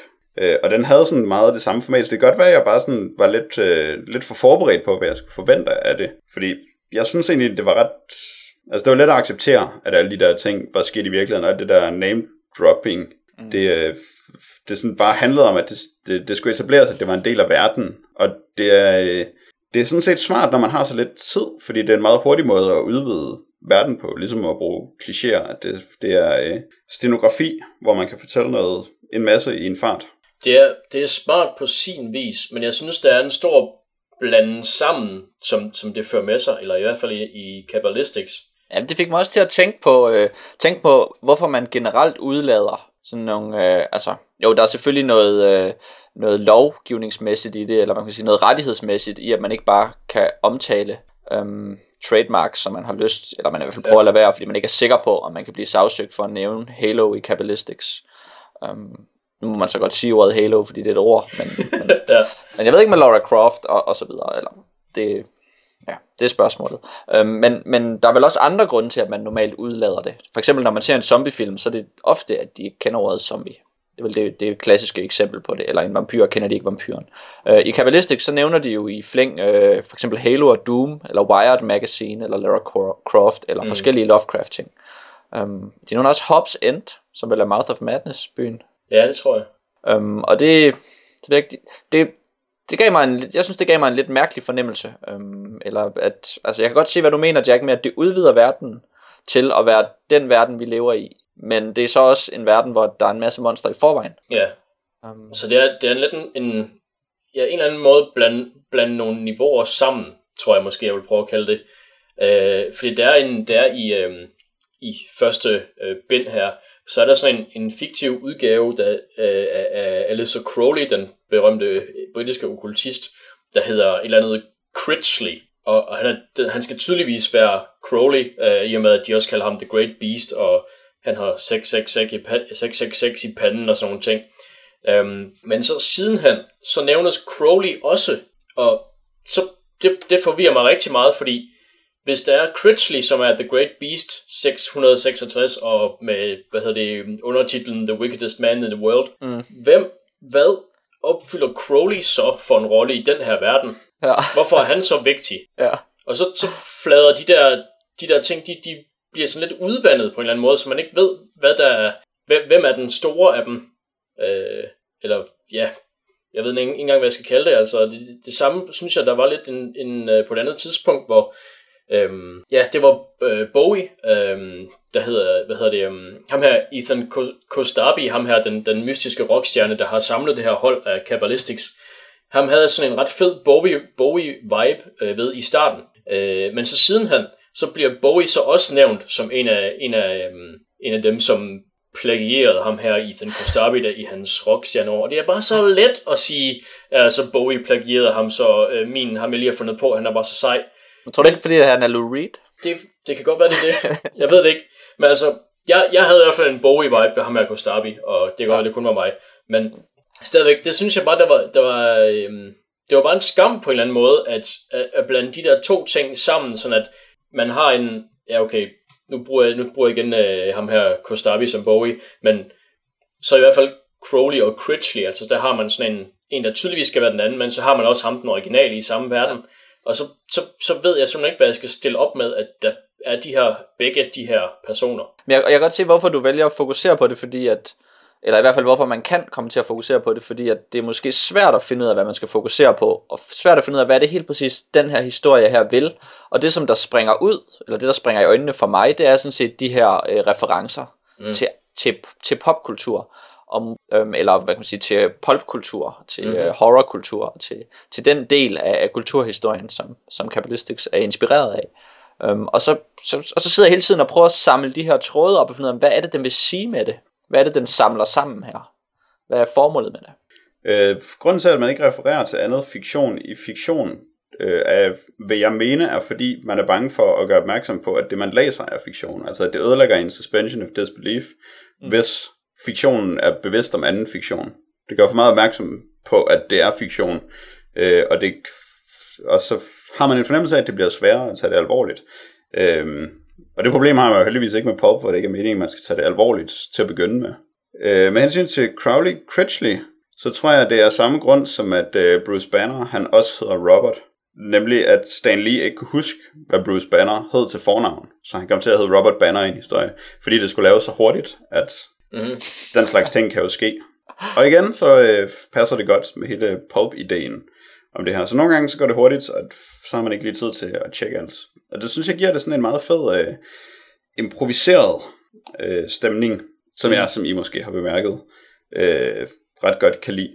Øhm, og det er billigt, det er jeg sådan set ikke uenig med dig i, Dan. Men jeg synes, du, øh, du sweater for meget af the small stuff. Øh, at, at på en eller anden måde, så tager du alle tingene for alvorligt i forhold til, hvordan det skal tages. Eller i hvert fald i forhold til, hvordan jeg tager det. Og det tror jeg også ville komme i vejen for min øh, fornøjelse, hvis jeg tog det mere alvorligt, end jeg gjorde. Ja, fordi det er vel i høj grad det, vi taler om her, hvad for nogle forventninger man har til den genre, når man sætter sig ned og læser det. Hvor du øh, er inde, måske mere indvidet i genren, Jack. Den her specifikke genre og det her specifikke format. Um, og så er det måske lettere at gå til det. Yeah. Så, det er jo, ja. så det skal vi selvfølgelig prøve at se igennem den måde, vi selv har læst det på, og så prøve at se på, hvad det egentlig er. Der er stadig en, altså, der, jeg synes stadig, jeg får lidt en dårlig smag i munden nogle gange, når øhm, der er ham her, okkultisten Rafni, øh, som øh, jeg nævnte noget med Lovecraft, og han har en, en replik, hvor han siger, Poor Howard, he always did miss the point somewhat. Øh, der får jeg en, jeg får bare, jeg kan ikke lade være, jeg kan ikke ryste af mig, at jeg får en grim smag i munden, at når, når den her forfatter, han bruger Lovecraft så meget, som han gør, og så siger, om han tog fejl. Øh, og jeg ved godt, at det ikke er forfatteren nødvendigvis, der siger det, det er en af hans karakterer, men stadigvæk det er en okkultist, der har styr på tingene osv. Så, videre. så det irriterer mig bare, at jeg, jeg synes bare, det er så let en måde at gøre det på. At sige, at hey, nu nævner jeg et navn, associerer, der, der associeres med alt muligt vildt, og så siger jeg, men det er faktisk lidt anderledes. Øhm, mm, det er sådan en meget let måde at, at lave nogle associationer på, som når man så senere hen i historien staver Niall of the Tip forkert, så ved jeg ikke, om man, at jeg har lyst til, at man skal gøre det. Ja, en døende punker, ikke? Ja, det er rigtigt. Men stadigvæk. Stadigvæk, der er bare nogle små ting der. Altså, det, jeg, kan godt være, jeg kan godt se, at jeg hænger mig meget i detaljerne. du, du er en hård mand, Dan. ja. Den Men dag, altså... hvor, jeg ligger, øh, hvor jeg ligger døende på et badeværelse efter en overdosis, og har skåret mit håndled over og skriver New Arleth tæt på væggen, og ja. så jeg bare i mit gravskrift bliver kritiseret for at have stadig det forkert. ja. ja. Det, det. jeg, jeg vender mig et par gange. det er sgu sådan der. Og en, på et andet tidspunkt, hvor, hvor der er sådan en dæmon, der, der bare nævner helt vildt mange sådan, øhm, hvad hedder det, øh, mere eller mindre okulte byer og okulte entities, som, som den her dæmon har været kendt som, så synes jeg også bare, det virker bare meget billigt at, at, øh, at gøre det. Altså det, det er en let måde at bygge en dæmon op på, øh, ved at sige, at jeg, jeg er dem her, og jeg er også den her, og alt det der. Men, Men altså, se, hvad, at... hvad er det, der er så fedt ved, at det er svært, at man bygger dæmonen svært op? Um... Det, var faktisk, det var faktisk det, jeg lige ville øh, kommentere, hvis jeg må... Øh, eller jeg har måske en idé til, til hvad der er, der er på spil her, fordi at det, det, man lidt kan kritisere det for, den her historie, eller det her koncept, det er, at det både vil puste og have mel i munden. Um, tror jeg. Fordi mm. at, at den vil være sej, men den vil også være pulp. Den vil være sådan gritty, cool, punk, og så vil den også være pulp, kitsch, parodi på samme tid. muligvis. Jeg, jeg har jo sådan set ikke læst det så på samme måde som du har, Jack, men det lyder som om, at, at du, du oplever det hele som øh, uhøjtidligt. Ja. Hvor jeg oplever faktisk det meste som ret højtidligt. Um, og det ved jeg ikke, hvordan han står. Ja, jeg har nok også oplevet en del af det som højtidligt i hvert fald. Mm, fordi så er det jo derfor, at du bliver stødt, når der er en, der siger, hey, jeg er sejere end Lovecraft. Ja. Så hvis man opfatter det uhøjtidligt, så er det jo selvfølgelig meget sjovt. Det er rigtigt, altså, der, ja, altså, der, der tager jeg det måske lidt for seriøst.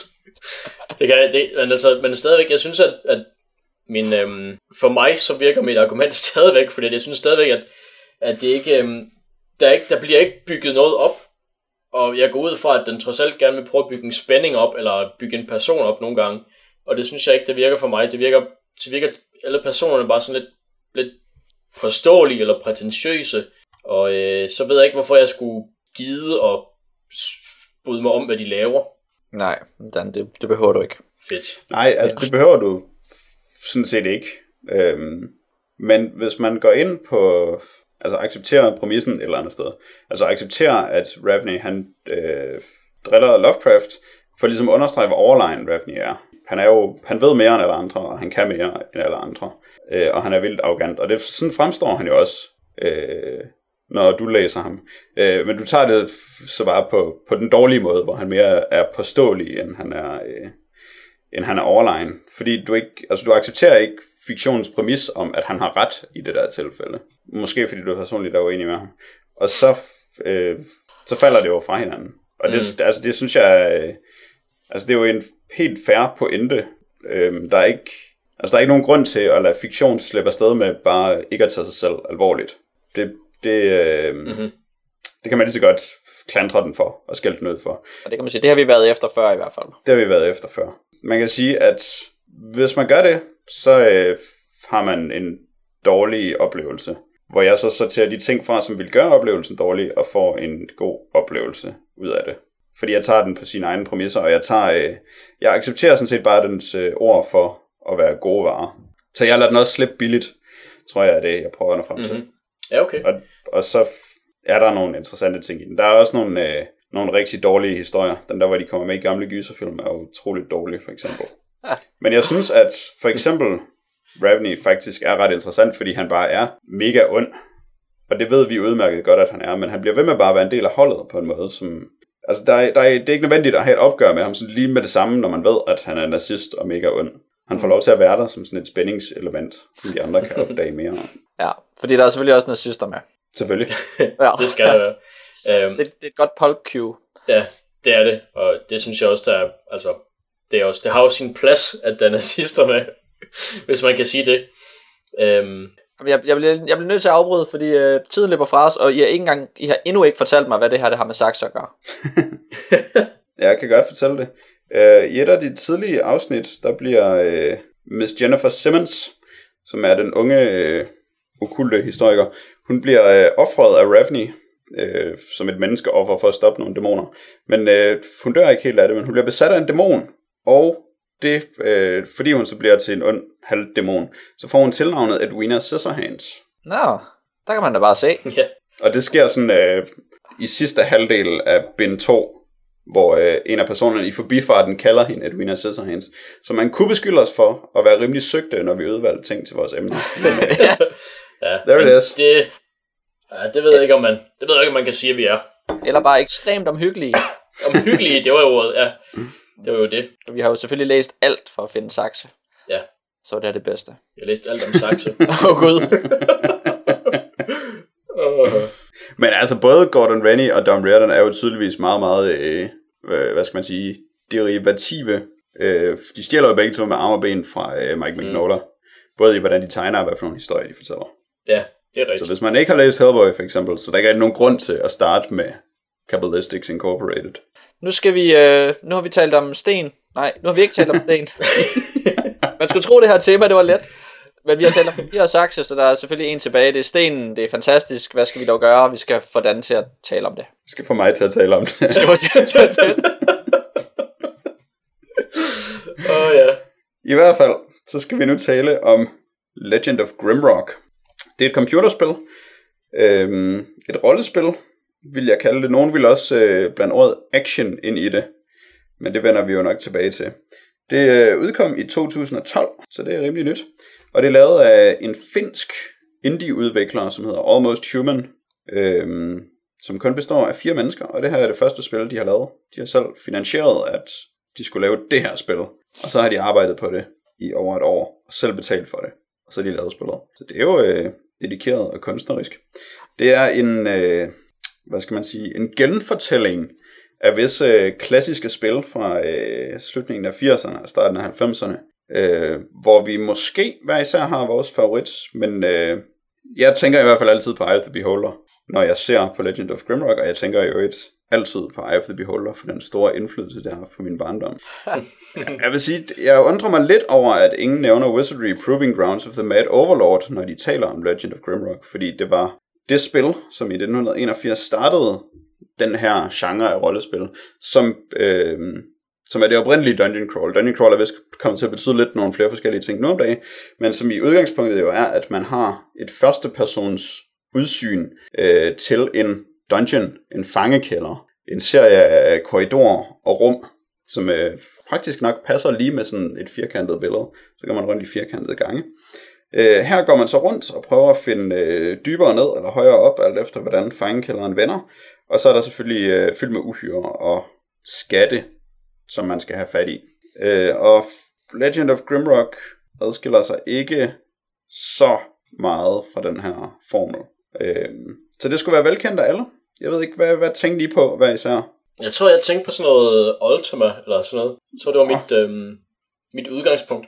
Ja, altså jeg har også spillet både Dungeon Master og Eye of the Beholder, men det jeg faktisk har spillet mest, og det jeg var mest nostalgisk omkring, det var faktisk Lands of Law, Westwoods. Øh, Mm, det mere, jeg øh, altså hvor man så ikke er i en dungeon, øh, man går rundt ude i skove og byer og sådan lidt mere åben verden. mm-hmm. Nej, det er ikke en åben verden. Det kan vist aldrig blive en åben verden. um, øh, Nej. en, meget, en meget, meget klodset, firkantet verden. Ja, er, er meget defineret, men, men hvor der er lidt mere change of scenery, end hvad vi har i, i de her fangekælder her. Og øh, spændende NPC'er, man møder lidt mere normale mennesker i Lands of Law, så det, det var også noget, jeg tænkte på. Det minder mig om, hvor sejt det var, da jeg endelig nåede så langt ned i Eye of the Beholder, at jeg mødte ham der dværgen, der er såret. Altså et andet menneske, Ja. ish, som var i fangekælderen. Fordi de er så øde de her gange. Der er simpelthen så tomt og ensomt. Men øh, jeg, jeg har godt lide, at du tager fat i, øh, ja, selvfølgelig ensomheden, den kan vi vende tilbage til, men, men også den her nostalgi, som jo er udgangspunktet, når Ja. man spiller det her spil. Og jeg vil da også sige, at jeg satte mig ned, og så hyggede jeg mig gevaldigt med at spille det her spil, indtil jeg holdt op med at hygge mig, og så holdt jeg op med at spille spillet. Det var egentlig også min oplevelse. Ja, hvordan gik det? Jamen altså, det var, det, det var ret hyggeligt til at starte med. ja. så pludselig var det det ikke længere. Ja, øh, det, altså man går sådan lidt rundt og så, nå okay, der er nogle puzzles, og man skal lægge en sten på en, øh, på en bjælke, så man kan ligesom, eller på en, øh, sådan en trigger i gulvet, så man ligesom kan komme over en, øh, en slugt eller et eller andet, og man får nogle våben, og der kommer nogle monstre og sådan nogle ting. Øhm, og så, så kommer der sådan mange monstre, men det er de samme monstre, og så kommer der, så kommer der ligesom, altså flere af de her puzzles, man, men man kan ikke rigtig se, hvordan man kan regne dem ud nærmere, eller længere. Øhm, og så, så begynder der sådan ligesom at være, det ved jeg ikke, lidt, lidt, lidt for meget en super pligt at prøve at komme videre i spillet på en eller anden måde. Du følte ikke, du fik belønninger. Ikke rigtigt. Øhm, der, der er jo en, en lille smule, øhm, hvad kan sige, en lille smule historiefortælling i og med, at nogle gange, når man hviler, så har man sådan, sådan ja, så bliver man kontaktet i drømme af en anden stemme, eller hvad det nu skal forestille. Men, men det synes jeg ikke, der var helt nok til at holde mig ved ilden og, og finde ud af, hvad, hvad pokker der foregår her i, i den her Grimrock, som jo er et, et fængsel, man, man bliver smidt ned i, i forhold, i forhold til, øh, eller ifølge for, forhistorien. Fra et luftskib. Øh, jeg tror, man bliver smidt ned på klippen øverst oppe fra luftskibet, og så bliver man så smidt ned i, i hullet bagefter. Men nonetheless må vi sige, at øh, luftskibet må være innovationen i forhold til genren. ja, næsten, det tror jeg. Jeg tror at næsten, jeg vil sige, at innovationen er den måde, man slås på i det her spil. Og det er måske der, det lidt går ind. Fordi at man, øh, altså man er jo vant til, at man bare ligesom stiller sig op over for monstrene, og så højre klikker man på sine våben, når de er klar. Og så øh, har man sådan en god gammel Bud Spencer, hvor man gokker hinanden over i nøden, indtil en af os falder om. Ja. Men det slår jo ikke helt til i det her spil, går det hurtigt op for en. Og så begynder man at lave sådan nogle knep, som at udnytte, at monstrene er ekstremt langsomme og dumme, så man kan bare sådan gå udenom dem, og så kan man slå dem, mens de er i gang med at vende sig om, eller mens de flytter sig. Så man lærer ret hurtigt, hvordan man aldrig mm. bliver ramt i en slåskamp. Man skal trykke på utrolig mange knapper for at vinde den, uden at det er nogen udfordring. Og det er virkelig, øh, det er ikke særlig elegant. Det, det er lidt kluntet måske. Det kan godt være, at Bud Spencer kamp er kluntet, men når man sådan står og sidestepper frem og tilbage foran sådan en æderkop i, i et halvt år, og så den her æderkop, den aldrig kan ramme dig, fordi den ikke helt kan finde ud af, om den skal gå hen til den ene side, eller blive stående for at slå på dig, fordi man hele tiden skifter plads, så, øh, ja, så bliver det, jo, det bliver jo virkelig fjollet. Det gør det lidt. Så det er lidt irriterende. Øh, og innovationen, det her action-element, der er i slåskampene. Øh, jeg hyggede mig også rigtig godt med det, og jeg er ikke helt sikker på, at jeg er færdig med at hygge mig med det endnu, faktisk. Øhm, jeg synes, de her puzzles, de var virkelig sjove. Og der kan du se, Dan, jeg havde ikke puzzles. Det var dejligt at høre. Det var sjovt at øh, trampe rundt på de her trykplader i gulvet. Jeg synes dog, at øh, når de eskalerer sværhedsgraden på dem, når man når længere ned, så når de til noget af det samme, som var utroligt frustrerende ved Eye of the Beholder, ved at det, som bliver svært ved det, er, at man ikke ved, hvad der foregår, og man har ikke nogen mm. mulighed for at regne ud. Så der er for eksempel en knap et eller andet sted i dungeon, så trykker man på den, og så ved man ikke, hvad den gør. Ja. Og så skal man ligesom gå hele dungeon igennem og kigge på alle væggene, for at se, om der er nogen af dem, der har flyttet sig. Og så skulle man måske egentlig bare have trykket på en anden knap et andet sted, før noget åbnede sig. Og så ved man simpelthen ikke, hvad det er, man lige har lavet. Heldigvis, så de fleste af de mest frustrerende puzzles, dem kan man bare gå udenom. Ja, fordi de kun giver en noget specielt øh, udstyr. Ja. Eller noget lignende. Hvor jeg synes, de andre puzzles, de har været rigtig gode til at tvinge mig til at se mig omkring og, øh, og se, hvad det er, der, der befinder sig rundt om mig. Især dem, hvor man øh, for eksempel skal teleportere med genstande, så de ryger mm. et bestemt sted hen, mm-hmm. hvor øh, det kan være svært at se præcis, hvor de ryger hen, øh, men hvis man kigger sig grundigt omkring, så kan man sådan lidt regne den ud. Øh, og der er en bane, hvor der går ud på, at man skal have fat i fire skriftruller, der ligger på hver sin side af en øh, teleportationsmaskine. Øh, og der ved man ikke, hvad man skal til at begynde med, men man forstår det ligesom, når man har toget lidt rundt og ikke rigtig ved, hvad man gør, og mest bare prøvet på at udforske og udfylde sit kort, så indser man pludselig, at der ligger jo egentlig fire skriftruller her. Nu har jeg fået fat i to af dem ved at løse en gåde, så skal jeg nok også ind i de to andre teleporter her midt i rummet og have fat i de andre. Og så kan man se, at der er fire øh, huller i væggene, hvor jeg kan lægge dem ind, og der står noget på væggene ved siden af, og så hænger de tekster nok sammen. Og så regner man det sådan lige så stille ud, og det giver en rigtig god øh, tilfredsstillende følelse, at man overhovedet ikke bliver holdt i hånden, der er ingen forklaring af, hvad det er, man skal, men hvis man kigger så grundigt omkring, så kan man regne det ud. Øh, den del gjorde jeg aldrig. Nå. Jeg klarede det alligevel. Hvad gjorde du så? Wow. Men jeg sørgede for at falde ned i det rigtige hul, så jeg kom ind i, øh, i sådan en, et aflukket område, fordi at man hele tiden falder ned i sådan nogle huller, og så kan man se, at man hele tiden ikke falder ned i det sted, hvor der ligger noget loot. Og så blev jeg ved med at kaste mig ned i alle de huller, jeg kunne finde, indtil jeg kastede mig ned i det rigtige hul, og så endte jeg der, hvor jeg gerne ville hen. og det er en god måde at gøre det på. og, og så kom jeg videre. Og det startede faktisk med, at jeg begyndte at kaste ting ind i alle hullerne, for at finde ud af, om der var noget, der kom derhen, hvor jeg gerne ville hen. Og så fandt jeg det rigtige hul, og så prøvede jeg at komme ned i det. Men er du Men, sikker på, at det er det sted? Jeg kom videre i banen. Jeg gjorde aldrig det der med at lægge skriftrullerne, fordi øh, det regnede jeg aldrig ud. Men du fik fire skriftruller? Ja, ja, dem har jeg fundet. Jeg har været rundt over det hele. Jeg har bare ikke lagt dem nogen steder. Sejt. Det synes jeg lyder mærkeligt. Ja, det lyder faktisk lidt mærkeligt. Nå. Fordi jeg var nemlig også ret god til at hoppe ned i huller for at prøve at finde noget. Og jeg var ikke i nærheden af at komme om på den anden side af den port. Men jeg har tydeligvis ikke hoppet ned i huller nok. det, det kan man så sige. Jeg, jeg insisterede selvfølgelig på at læse alle puzzles, jeg stødte på, og det tog nogle gange lang tid, så jeg tror, jeg blev lidt, lidt udmattet af det i længden. Ja, jeg synes, øh, altså, det er meget den her nostalgi-oplevelse med, at man bare skal sidde og ligesom være i en dungeon, og så gå lidt rundt i den, og så skal man give sig god tid til det hele. Fordi lige så snart man begynder at sætte nogle mål for sig selv, øh, nogle, nogle levels, man vil op på, eller et eller andet, man vil gøre hurtigt, så bliver det frustrerende, og så begynder spillet sådan lidt at arbejde imod en. Ja, ja, jeg tror, det, det var nok den cirka den øh, oplevelse, jeg, jeg endte med at få i hvert fald. Jeg tror faktisk ikke, nostalgien spillede en synderligt stort rolle for mit forhold til de puzzles, der er i spillet. Det virkede mere som bare, øh, det virkede bare som sjove puzzles at prøve at regne ud. Fordi mm-hmm. jeg mhm. synes, det fungerede godt det der med, at hvis man så så godt omkring, så kunne man regne dem ud. Ja, men jeg synes også, at det har generelt et godt niveau, og man føler, at det ikke taler ned til en. Um, det er rigtigt. Og at det ikke, at det ikke er alt for svært. Nogle gange så er det måske lidt en, en chance at skulle jeg tænker specifikt på den der, hvor man skal, hvor man kommer ind i et rum, og så skal man, så er der vel, er der ni forskellige felter, som, man, som alle sammen har sådan nogle plader. Hver gang man mm. trykker på dem, så aktiverer de nogle teleporters. Ja. Så gælder det om at finde mm. den rigtige rute rundt i det rum. Ja, Og ja. det skal man bare blive ved med at gøre, indtil man har fundet, øh, fundet ud af det. Er der nogle af dem, som var lidt for... Øh, altså, de krævede lidt for meget af ens rute. Mm. Der er også en... Øh, det er vist en, hvor lemmene åbner og lukker sig. Hvor man sådan skal løbe i ring i lokalet, sådan en ekstra gang, før man kommer ud. Og ja, Og det er der jo ikke nogen grund til, at man skal gøre. Man kan jo godt bare skulle regne ruten ud, og så gå den. ja, det vil måske være lidt... Det vil være nok, kan man sige. Der lader de så lidt rive med indimellem. Og så, øh, så er kampsystemet jo som sagt rigtig dårligt og kedeligt. Og det bliver meget Ja. irriterende, at man bliver tvunget til at slås, fordi det virkelig ikke er spillet stærke side. Nej, og så måske også det, du var inde på, Dan, med, øh, altså, at det er lidt fattigt med, med monstrene. Det synes jeg, det synes jeg skulle jeg oplevede. Altså, det f- første, man møder... Øh, det er en snegl, er det ikke det? Jo, det er rigtigt. Sådan nogle kæmpe snegle. Ja. Og så, øh, så kommer der æderkopper, og så kommer der sådan nogle skeletkrigere med spyd. Og så kommer der, så møder man lige, så kommer man et sted hen, hvor der er sådan nogle grønne slimmonster, som jeg hurtigt gik væk fra igen, fordi de dræbte mig helt vildt. Det er sådan nogle svampeagtige nogen. Ja, Ja. Nej, slimboldene. Dem, der ikke er svampe. ja, slimbolde. Øh, Dem, der er ligesom slimes i Dragon Det er Quest. rigtigt, ja. okay, ja. ja. Men der er også de der svampefyre, det er rigtigt. Ja. Øhm, og så senere også øh, skelet øh. Men altså, passer det ikke lidt med, at der er et nyt monster på hver level, og så en masse af de gamle? Jo, men på den måde, hvor at, at skeletkrigerne er to forskellige monstre. Jeg har så også kigget på deres øh, dungeon editor, som følger med til spillet. Så jeg ved for a fact, at der ikke er særlig mange monstre. Ja. Mm, okay. Og det, gør, og det gør jo bare, at man har endnu større tilbøjelighed til at lære alle monsternes rutiner, og så dermed, hvordan man skal ja, fedt rundt, så man kan dræbe dem Hvordan man på, på den grimmest mulige måde.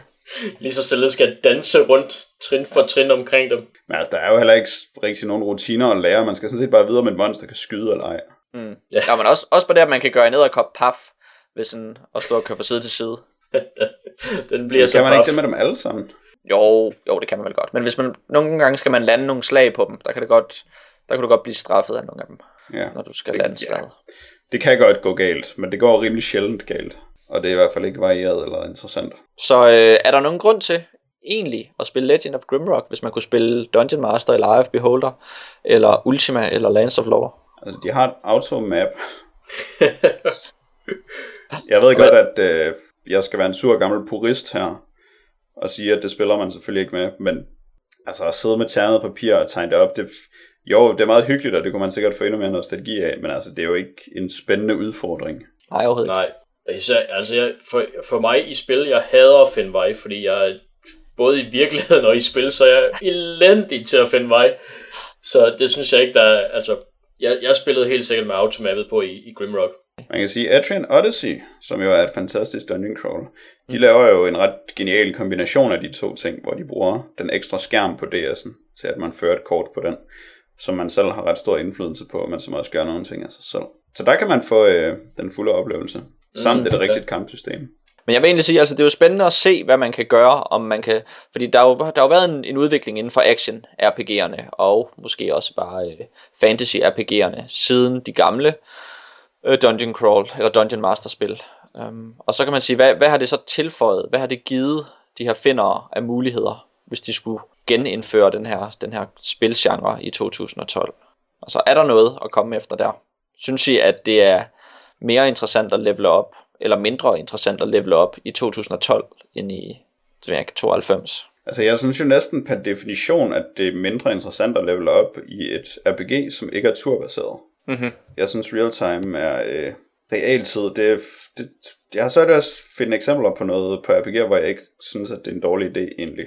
Og især et spil, som bærer så meget præg af at komme fra øh, et turbaseret, en turbaseret oprindelse, ja. som Legend of Grimrock gør. Der virker det underligt påklistret, og så fungerer det jo dårligt. Ja, det er rigtigt. Så det er det forkerte sted at sætte ind med, med innovationer. Jeg vil sige, vi har, øh, der, er- vi har fået nogle idéer om, hvad skal man sige, øh, holddynamikker og øh, samspil mellem forskellige klasser og sådan nogle ting. Mm. Altså et arbejde med det system, som ville være meget mere interessant, end at gøre det realtid. Er det rigtigt? Men der er det jo faktisk rimelig, rimelig kedeligt i Legend of Grimrock med de, de muligheder, man har af classes. Ikke? Der er fire classes. Uh, en troldmand, en... Eller hvad er der? Tre? Måske kun tre. En tyv, en troldmand og en kriger. Ja. Ja. Og så er der Og- fire raser. Og tyven er rimelig ligegyldig. ja. Og jeg gjorde mig meget umage for at komme til at backstabbe folk fra den bagerste række i ens hold. Og det er Ja. bare ikke det værd. Nej, nej. Okay, jeg gjorde det aldrig. Gav ham bare en sten, og så kan man få lov til at sutte på den. det er ikke det værd. Tro mig. Uh, dumme rogue. Eller tyv. Så det var vores øh, sten, saks, papir, og så går vi jo direkte over i vidighedskonkurrence, tegning, sjov. Med Dan og papir og alle vores dejlige lyttere. Ja. Øhm, fordi det de har gjort, det er, at de har skrevet en masse sjove bud på vidigheden til følgende tegning, som Dan har tegnet. Nemlig to fyre, der står foran et stakit. Den ene, han har to fingre fremme, sådan lidt ligesom hvis man laver sakstegn. Altså, det, det, kan jeg godt, det kan jeg godt afsløre. Den anden, han har hånden fremme, som han laver papirtegn, men også som om, at han ikke helt fatter, hvad der foregår. Um, han er tydeligvis den dumme af de to. Den anden, han er cool og har sådan lidt øh, asiatisk udseende, men øh, omvendt kasket, som man jo bør have en kasket. Han har et øh, sekstal på sin øh, t-shirt, og den anden har et 8-tal på sin t-shirt. Og det er vel igen, fordi du kan ikke tegne andre tal. Jeg kender ikke andre.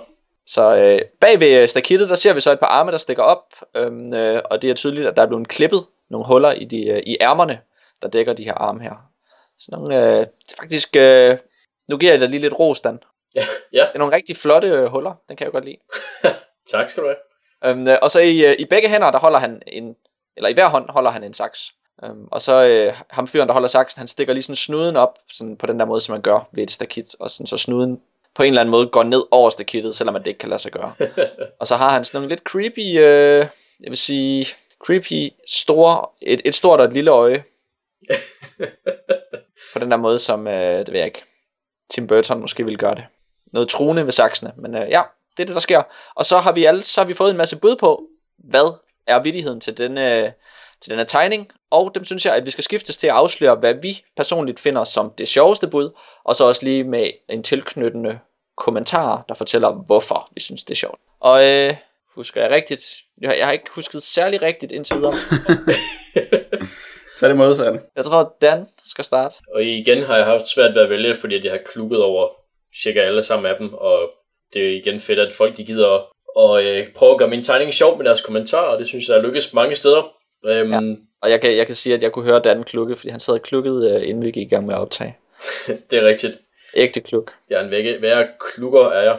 Mm. Øhm, men ja, jeg tror jeg, jeg tror, jeg er blevet enig med mig selv om, at øh, min favorit er øh, en, et bud fra Thomas Grønborg Sørensen, hvor han skriver, Allan havde længe været træt af, at vennernes t-shirt, eh, t-shirts ikke stemte overens med deres antal fingre og øh, det, der er jo, det er jo en reference til, at der er de her to gutter, der, laver, der, der står foran stakittet, de har tal på trøjen. Og øh, så Allan går jeg ud fra, er, øh, er fyren med, med saksene bag ved stakittet.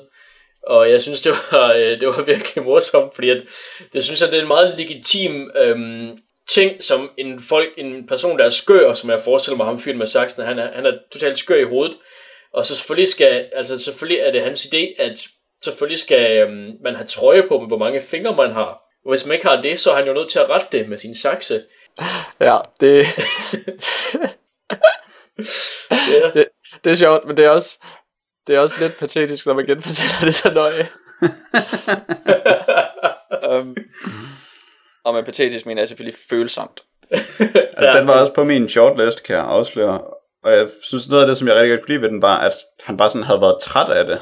Det er ikke sådan, at han er voldsomt frustreret, eller rasende, eller vanvittig over det, eller noget. Han er bare sådan, ah, han, det har bare været træls gennem en længere periode, det her. Ja. ja. Det er fint underspillet, synes jeg. ja, men der må jeg så, nu, nu hvor vi er i gang med at gennemgå den, så kan jeg sige, det er faktisk også den, jeg har valgt. Så jeg behøver nærmest ikke sige noget nu. Jack, hvad har du? Jamen, øh, altså, jeg, jeg, jeg har valgt en anden. Så, så vi har noget at snakke om.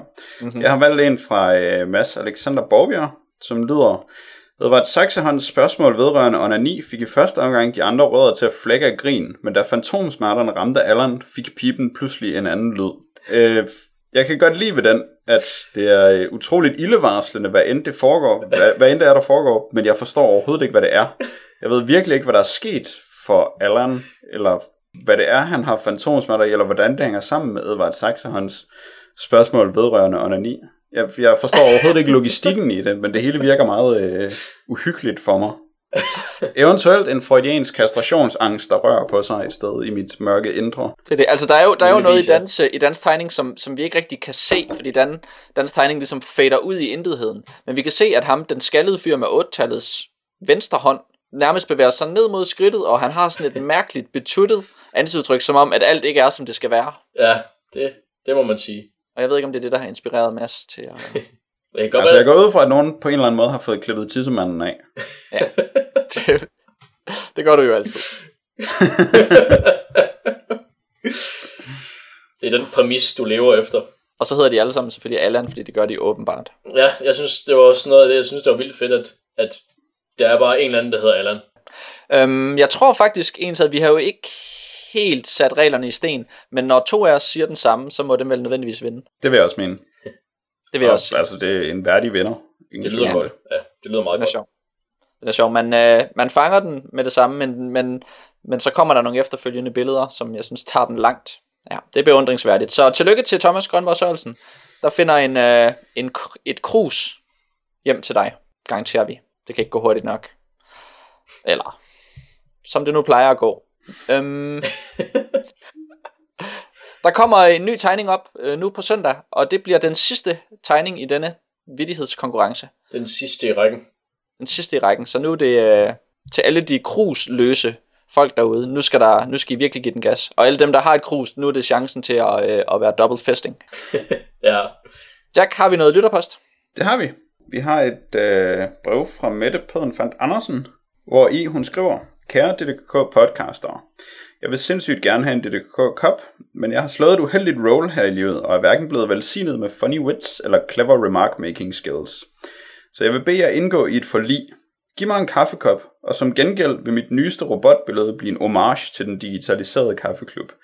Pretty please, jeg kan afsløre, at både Sigfrids Kaffebar og Færbar er upcoming udstillingslokationer. Knus, Mette Pige. P.S. Tak fordi jeg måtte låne dit værelse, da du var i London, Jack. Fedt sengetøj, men freaky mus. Du har en syg mus, Jack.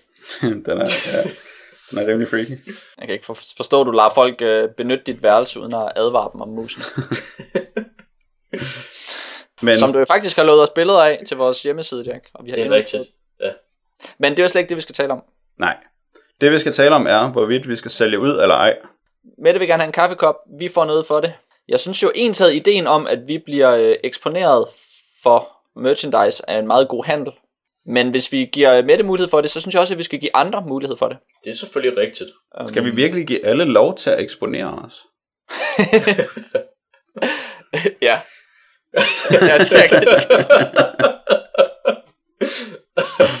Om lidt skal vi tale om, hvorfor vi ikke, øh, vi ikke vandt prisen som, øh, som, som for European Podcast Award, Jack. Nå, det ja, er det er måske noget med det, du lige sagde. Uh, ja.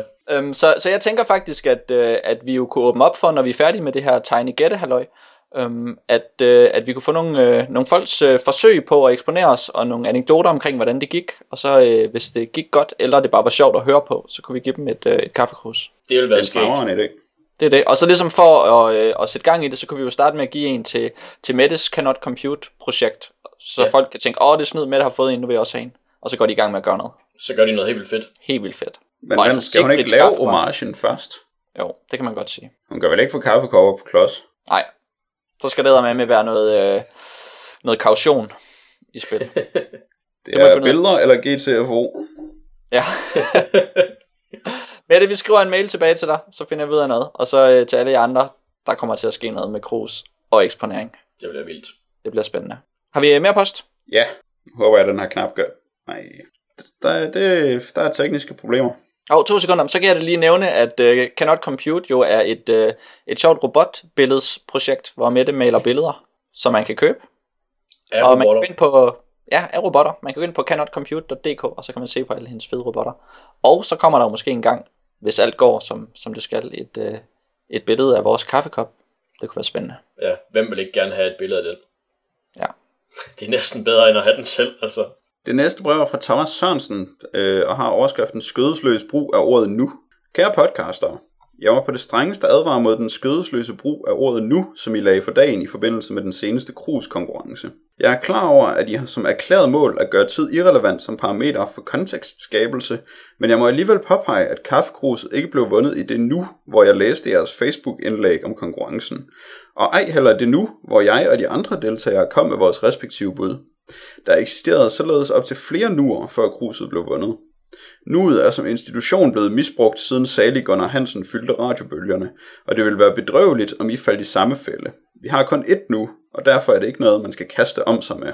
P.S. Jeg erklærer mig i øvrigt enig med ham, hvis mail I læste op nu her i slutningen af programmet.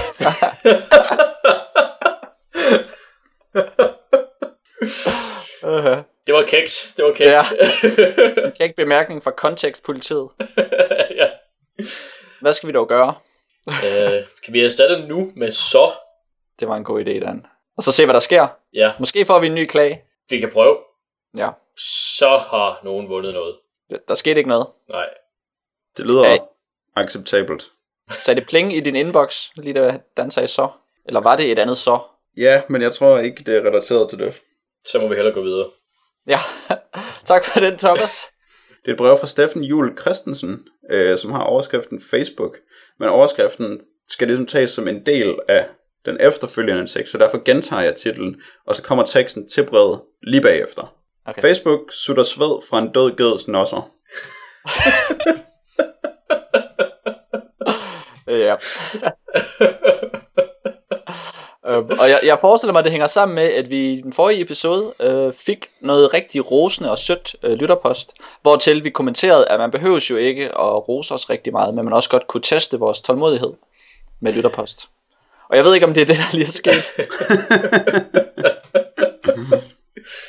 Ja, og så, så tror jeg måske også, at Steffen Juhl Christensen ikke har en Facebook-account, eller ja. konto, som man også kalder det nogle steder. Det tror jeg, du har ret i, og jeg har faktisk også tænkt over, at det er lidt øh, påklageligt fra vores side, at vi ikke har haft de her tegninger op andre steder end på Facebook. Det er jo det, fordi at vi ved jo, at Steffen faktisk godt kan være ret så kvik i replikken også, og så går man måske klipper noget sjovt for ham. ved Som vi lige har fået et det eksempel på. Ja, Velformuleret og lige til sagen. Det kunne jo være, at han bare håbede på, at du havde tegnet en ged til i dag. ah ja, Så prøvede han at ramme rigtigt. det Eller har tegnet Facebook. eller bare havde tegnet Facebook.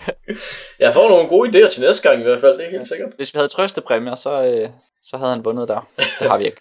Men jeg kunne også forestille mig, at Steffen måske havde ideologiske problemer med vores udelte begejstring for Facebook, som vi jo har reklameret utrolig meget for, især i forbindelse med vores tegnekonkurrence her. Ja, mm. altså det eneste vi kan gøre, det er jo at gøre op for det, ved at reklamere lige så meget for iTunes.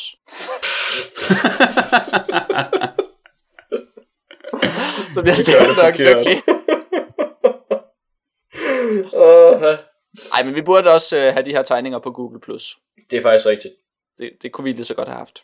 Men altså, vi burde også have dem på vores egen hjemmeside, så vi Ja. ikke lagde alt i hænderne på onde firmaer. Det burde vi have gjort. Men nu stopper vi snart med det. Og så skammer vi os rigtig godt og grundigt. Ja, lægger vi så den sidste ud på vores egen hjemmeside? Eller nøjes vi med at skamme os? Ja, ja. det kan ikke være mere klart. Lad os gå videre. ja. Jamen, øh, så vil jeg sige tusind tak for posten. Det er jo, øh, det er jo den smørelse, vi har brug for, for at, øh, at lave sådan en rigtig god, lang podcast, som vi har gjort til i dag. Hvis der er andre, der har lyst til at smøre os med det ene eller det andet, gode eller dårlige, eller det kan man ikke sige, positive eller negative kommentarer, øh, råd og ytringer, så kan I skrive til post ddkkpodcast.dk og, øh, og så bare øh, fortæl os, hvad I synes. Det var øh, vores Saks, Papir, Sten episode. Vi har ikke på noget tidspunkt haft sjov med det tema. Det som om, øh, at når vi sidder i hver vores rum, så kan vi ikke rigtig gøre noget med det. Det er så, svært. det så det har vi ikke tænkt os at gøre. Så var der noget med en anden konkurrence, som ikke var vores konkurrence, men som vi var med i. Det er rigtigt. Her på Okay. falderæbet skal jeg jo lige nævne, at øh, vi fik resultatet fra European Podcast Awards, som vi desværre ikke havde vundet. Den gik til øh, et stort tillykke til Jette Harthimmer, fra Clarecast podcasten. for den sejr. Og så skal vi sige uh, tusind tak til vores lyttere, fordi vi har faktisk, uh, hvis man ser på, på de scorer, som vi har fået opgjort, så vandt uh, Claire med 124 point, og vi kom faktisk helt op på 120 point. Og det kan jo udelukkende kun skyldes alle jer, som der har stemt så godt og grundigt på os. Så det er faktisk, øh, det er vi faktisk rimelig, øh, rimelig benådet over. Det er vi bestemt. Så tusind tak for det. Vi er tilbage igen om 14 dage, og det betyder, at det i dag er onsdag den 27. marts, og så er vi tilbage igen om 14 dage, og det er den 10. april. Farvel og tak.